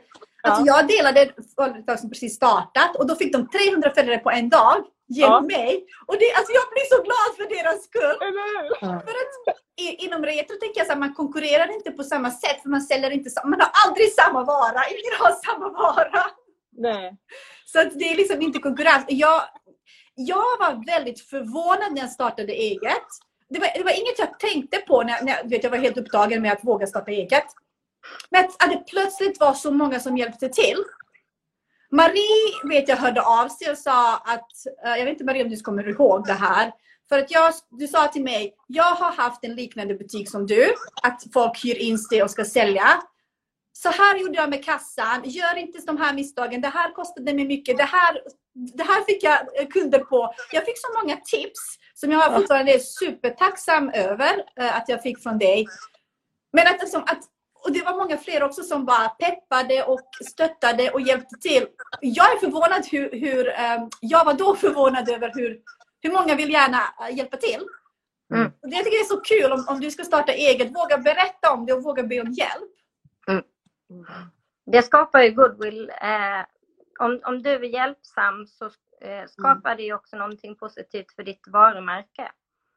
Ja. För då uppfattas du som en person som är väldigt sympatisk. Och jag menar inte att man ska dela för att verka sympatisk och för att Nej. bygga sitt varumärke, men det blir en effekt av, av eh, att du delar andra och, och delar med dig. Att, Mm. eh, att ditt varumärke växer. Mm. Och här har, tror jag att, i alla fall det kanske, och det håller säkert på att ändras det med för det går så fort. Men när vi börjar, alltså Instagram är ju, har ju varit en fantastisk växtplats för kvinnor, för, för kvinnor som företagar. Mm. För vi har ju det där i oss, de allra flesta, att hjälpas åt. Det är liksom grejen. Mm. Eh, och det är så de flesta av oss också har vuxit, Mm. tillsammans med andra. Eh, det är inget så här hiva fram armbågen och stövla sig fram liksom. Man har ingenting för det. Eh, och där har ju Instagram och, och tycker jag varit helt fantastiskt. Mm. Det, det är också en liten... Ja, nu vet jag att det finns konton där man inte är så snälla mot varandra, men jag upplever i alla fall att vår bransch är väldigt vänlig. Så. Mm. Jag håller med. Ja. Ja. Man kan ha olika åsikter, men, men, men det är liksom vänligt. Man har fått väldigt många vänner liksom genom nätet. Så. Det är helt fantastiskt. Mm. Ja, verkligen. Ja. Vi har ju lärt känna varandra allihopa genom att vi har haft retrobutiker och pratat med varandra online. Mm. Som är liksom jättehärligt. Mm. Mm. Eh, jag tycker det här var en intressant fråga som kom upp. Uh, retro och vintage är ju en ändlig resurs. Det finns ju liksom begränsat antal av de här grejerna. Upplever ni att det har blivit svårare att hitta varor nu? Alltså jämfört med tio år sedan och hur tänker ni framåt? Alltså vissa saker kan ju vara svårt att hitta. Eh, det finns ju saker som man alltid letar efter och aldrig springer på. Mm. Eh, men annars så finns det väldigt, väldigt mycket saker överallt. Mm. Som På- pynta tekopp. Exakt! Ja men så har vi! Jag har en. Alla som tittar och inte vet vad en pynta uh, tekopp är, ni får väl googla. Det Vi var har- exakt det jag tänkte på också. Vad sa du? Det var exakt det jag tänkte på. Det Mm. kommer man nog aldrig springa på. Jag hade en i butiken. Och då kom en, en äldre kvinna in och ja men såna här har jag haft, de slängde jag. Mm. Jag bara, åh men vad trevligt, den kostar 4000 kronor. Eller vad det nu var för pris just då. 2000 tror jag det var. Och hon bara så här, jag ska hem och titta. Så gick hon. Men du, nu, nu satte du något jätteviktigt faktiskt. När vi pratar om att folk slänger saker, det måste vi ju säga till alla här. Sluta. Eh, Utgå aldrig ifrån din egen smak när du ska bestämma vad som ska slängas. Eh, Alltså, och slänga ska man ju inte göra överhuvudtaget, men en del åker ju faktiskt och slänger saker för att de själva tycker att de är så grymt fula. Mm. Det kan vara en sak som andra betalar 5, 10, 15 000. Nu brukar inte vi, alltså, men Ja. det kan faktiskt vara så. Mm.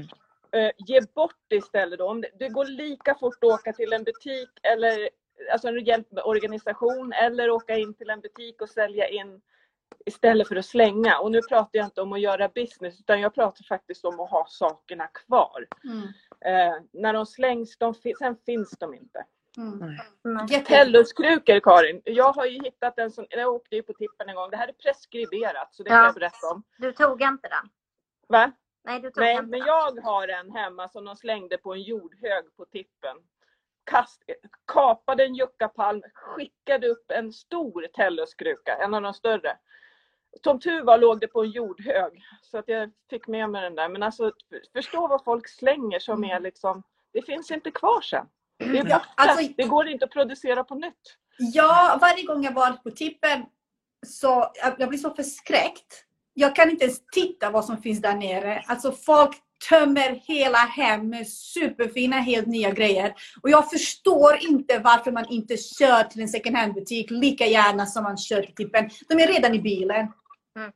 Vet du, på, i Uppsala, jag vet inte hur det är hos er, men där, är det så, där åker man in Samma Det här. första som man kan lämna är, där finns det ett återvinningsrum där man Samma kan här. lämna in.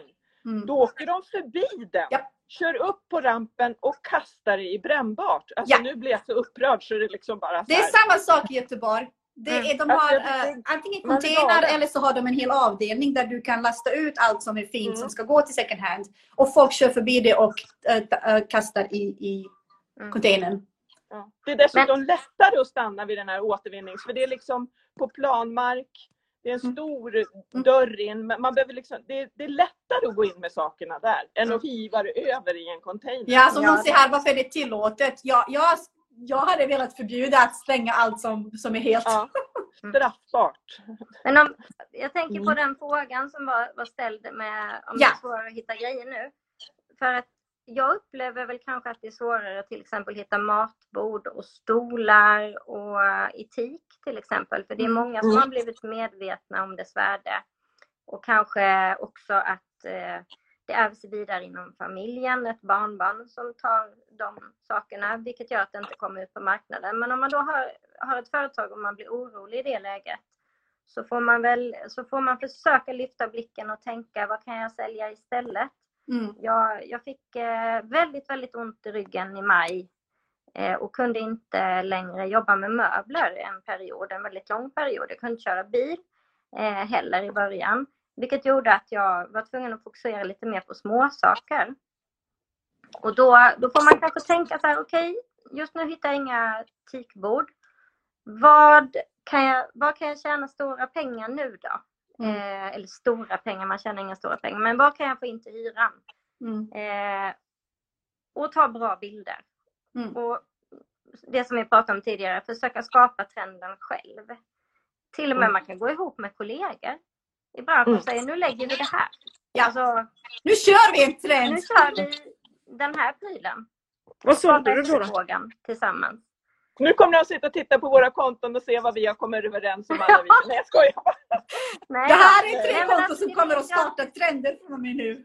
Jag tror att man kan bli väldigt orolig om, om Ja. plötsligt någonting försvinner som man har märkt att men det här har jag tjänat mycket pengar på. Mm. Det här har jag fått ihop till hyran. Eh, och så plötsligt så finns det inga teakbord längre när man kommer till de platserna när man brukar handla. Ja. Får man tänka om och, och tänka nytt och Mm. samla sig lite. Jag, jag är faktiskt lite förvånad över hur mycket grejer det faktiskt fortfarande finns. Alltså, om man, jag älskar att, att titta på hemmet eh, och titta på gamla hem. Jag har, till och med, jag har till och med ett konto som heter Tapetretro. Jag lägger ut bara bilder på hem retrotapeter från hemmet. Eh, för jag tycker det är så roligt. Och att se att det finns fortfarande så otroligt många hem som är helt 60-70-tal. Alltså att folk inte har ändrat någonting. Alltså alla möblerna är kvar, tapeterna är kvar, inredningen är kvar. Jag tycker det är superfint. Ja, Och är så. fascinerad att det finns eh, så pass mycket kvar. Tycker inte ni att det är liksom ganska intressant? Jo, Jo. och roligt. Och, och ofta kan man ju faktiskt gå till jag menar man kan ju, om man vill minska på konsumtionen så kan man väl titta i sin egen, alltså man kan fynda hemma hos sig själv. Ja. Eh, saker som man hade glömt liksom. Eller be att få ärva lite i förskott.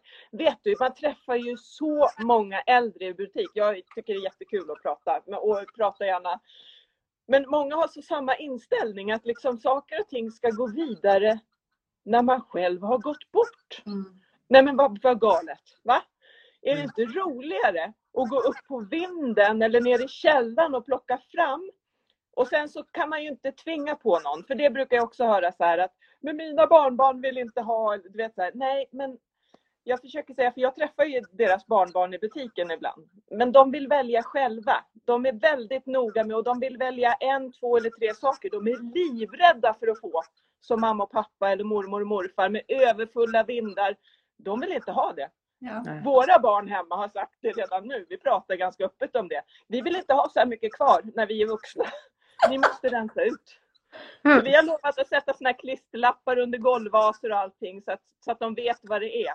Och ni behöver inte ha det kvar, ni behöver inte ärva våran stil men ni ska kunna liksom göra, göra något kul för pengarna sen. Nej men alltså, gå, gör, ta, rensa vindarna, ge bort det till barn och barnbarn eller varför inte vänner eller någonting. Jag tänker också erbjud till, till alltså säga om, om man, om man eh, har en jättefull vind och man vet att ingen kommer att vilja ärva det här. Alltså att Ja. man kontaktar kanske någon av er eh, och går igenom sakerna, sälja vidare eller, så, Mm. eller ja, skänka bort vad det nu kan vara. Men, men att man... Eh, För det kommer jag också, och det, gud, det, det sliter tycker jag i hjärtat när man kommer i, det är jobbiga samtal, men jag tycker ju om sådana här samtal. Men när man träffar kunder ute i hem. Eh, jag har en hälsning som jag har lovat sända vidare till mina kunder som jag kan skicka till alla här som lyssnar nu. Jag träffade två damer som rensade efter sina föräldrar. De höll på i ett år. De hade inte bråttom att göra av med huset, Mm. men de höll på i ett år så vi träffades de flera gånger. Sista gången så sa hon Jessica, säg åt dina kunder det här är inte roligt. Det här har inte varit ett roligt år i vårt liv och de, här, de kanske var i 65 års åldern. Mm. Det har inte varit ett roligt år i vårt liv. Vi visste inte att våra föräldrar var såna hårders. Det syntes inte på ytan. Men Mm. liksom, och vi vet inte vad det är de har samlat på. Vi vet inte vad vi ska göra med sakerna. Vi vet inte vad de har för historia. Vad de är. Tänk om de hade berättat det här för oss när, vi var, när de levde och om vi hade kunnat gjort hjälp då. Liksom. Det var liksom ett helsike ett år och det här tror inte jag är något ovanligt. När någon går bort, att det liksom det finns så mycket saker som riskerar också, och det är jätteviktigt, för när folk hamnar i de här situationerna, eh, att någon kanske går bort, det kanske går fort, eh, och man är i chock, man är i stor sorg, och så ska man fatta sådana här beslut, de orkar inte. Och då åker man kanske och slänger saker, för man kanske inte är sig själv, man kanske inte är liksom i kontakt med den man är som vanligt. Liksom. Så att det, det, det är så mycket saker som försvinner och så mycket tid som går för människor när man samlar på sig. Jag tror ni känner igen det här när ni har varit i hem, liksom, Mm. hur mycket som samlas. Man har ärvt av moster och faster och liksom kusiner och inte lovat att behålla saker till exempel. Mm. Som man har kvar, inte för att man själv tycker om det utan för att man har lovat någon som har gått bort sedan tio år att man ska det är mycket konstigt, man måste våga prata om sånt där, det tror jag är viktigt. Mm. Det skapar också förtroende med kunder sådär om man kan prata så. Kanske vågar de få dem att rensa lite tidigare. Mm. Mm. Man kan, man kan någon... Förlåt, var det någon som pratade nu? Nej. Nej. Eh, Jag tänker nu har vi kört i två timmar och 15 minuter. Så att jag tänker vi avrundar här. Mm. Ni som inte har varit här hela två timmarna, ni får jättegärna gå in på mitt konto envisare efter det här och kika från början när vi har pratat allt möjligt. Um, är det någonting ni vill avslutningsvis säga till alla som är sugna på att starta uh, eget inom eh, retroprylar eller vintagekläder? Vad skulle ni säga? Um, vad skulle ni säga till den som vill starta det här? Jessica? Kör! Oj, förlåt. Ja, precis vad jag tänkte säga. Nej, men bara köra. Mm. Liksom. Kör igång. Starta ett Instagramkonto. Sen kan man hänga på vilka sociala medier man vill, men, men det är ju det vi kan. Mm. Och börja prata med, med, med dem i branschen. Mm. Och glöm inte att om du har samlat en massa saker innan du startar butik, att du kan köpa de sakerna av dig själv in i företaget. Så att du, så att du får ett kapital, liksom, att det, Mm. mm, det blir avdrag. Precis. Om man känner att man inte har tillräckligt med pengar men man kanske har massa prylar så går det att sätta in dem i företaget och Mm. köra igång. Och snälla ni tar hjälp med bokföringen. Skaffa en bokför eller redovisningskonsult bokföringskonsult eh, som hjälper er att få ordning på allting. Det, det var en fråga angående moms när det gäller uh, second hand-varor. Och det är 25 procent, men det är, alltså, det är ska jag förklara, en viss speciell moms, att man tar skillnaden mellan utpriset och inköpspriset. Så det kan vara lite krångligt att räkna om man är ny på det här, så ta hjälp. Eh, kör bara kör, står i kommentarerna. Men jag tänker så här, om, du, om, om det är något ni är oroliga och rädda över, som till exempel bokföring, det är bara att ta hjälp med det. Det är inte dyrt och det är värt det. Och gör det ni älskar och planera, planera era företag efter det som kommer att göra er lyckliga och få er att må bra. Mm. Tack ta så jättemycket för ikväll. Tusen tack Tack, tack. Tack alla som tittat. Tack. Hej då! Hej då! Hej då! Hej då, vi ses! Hej då.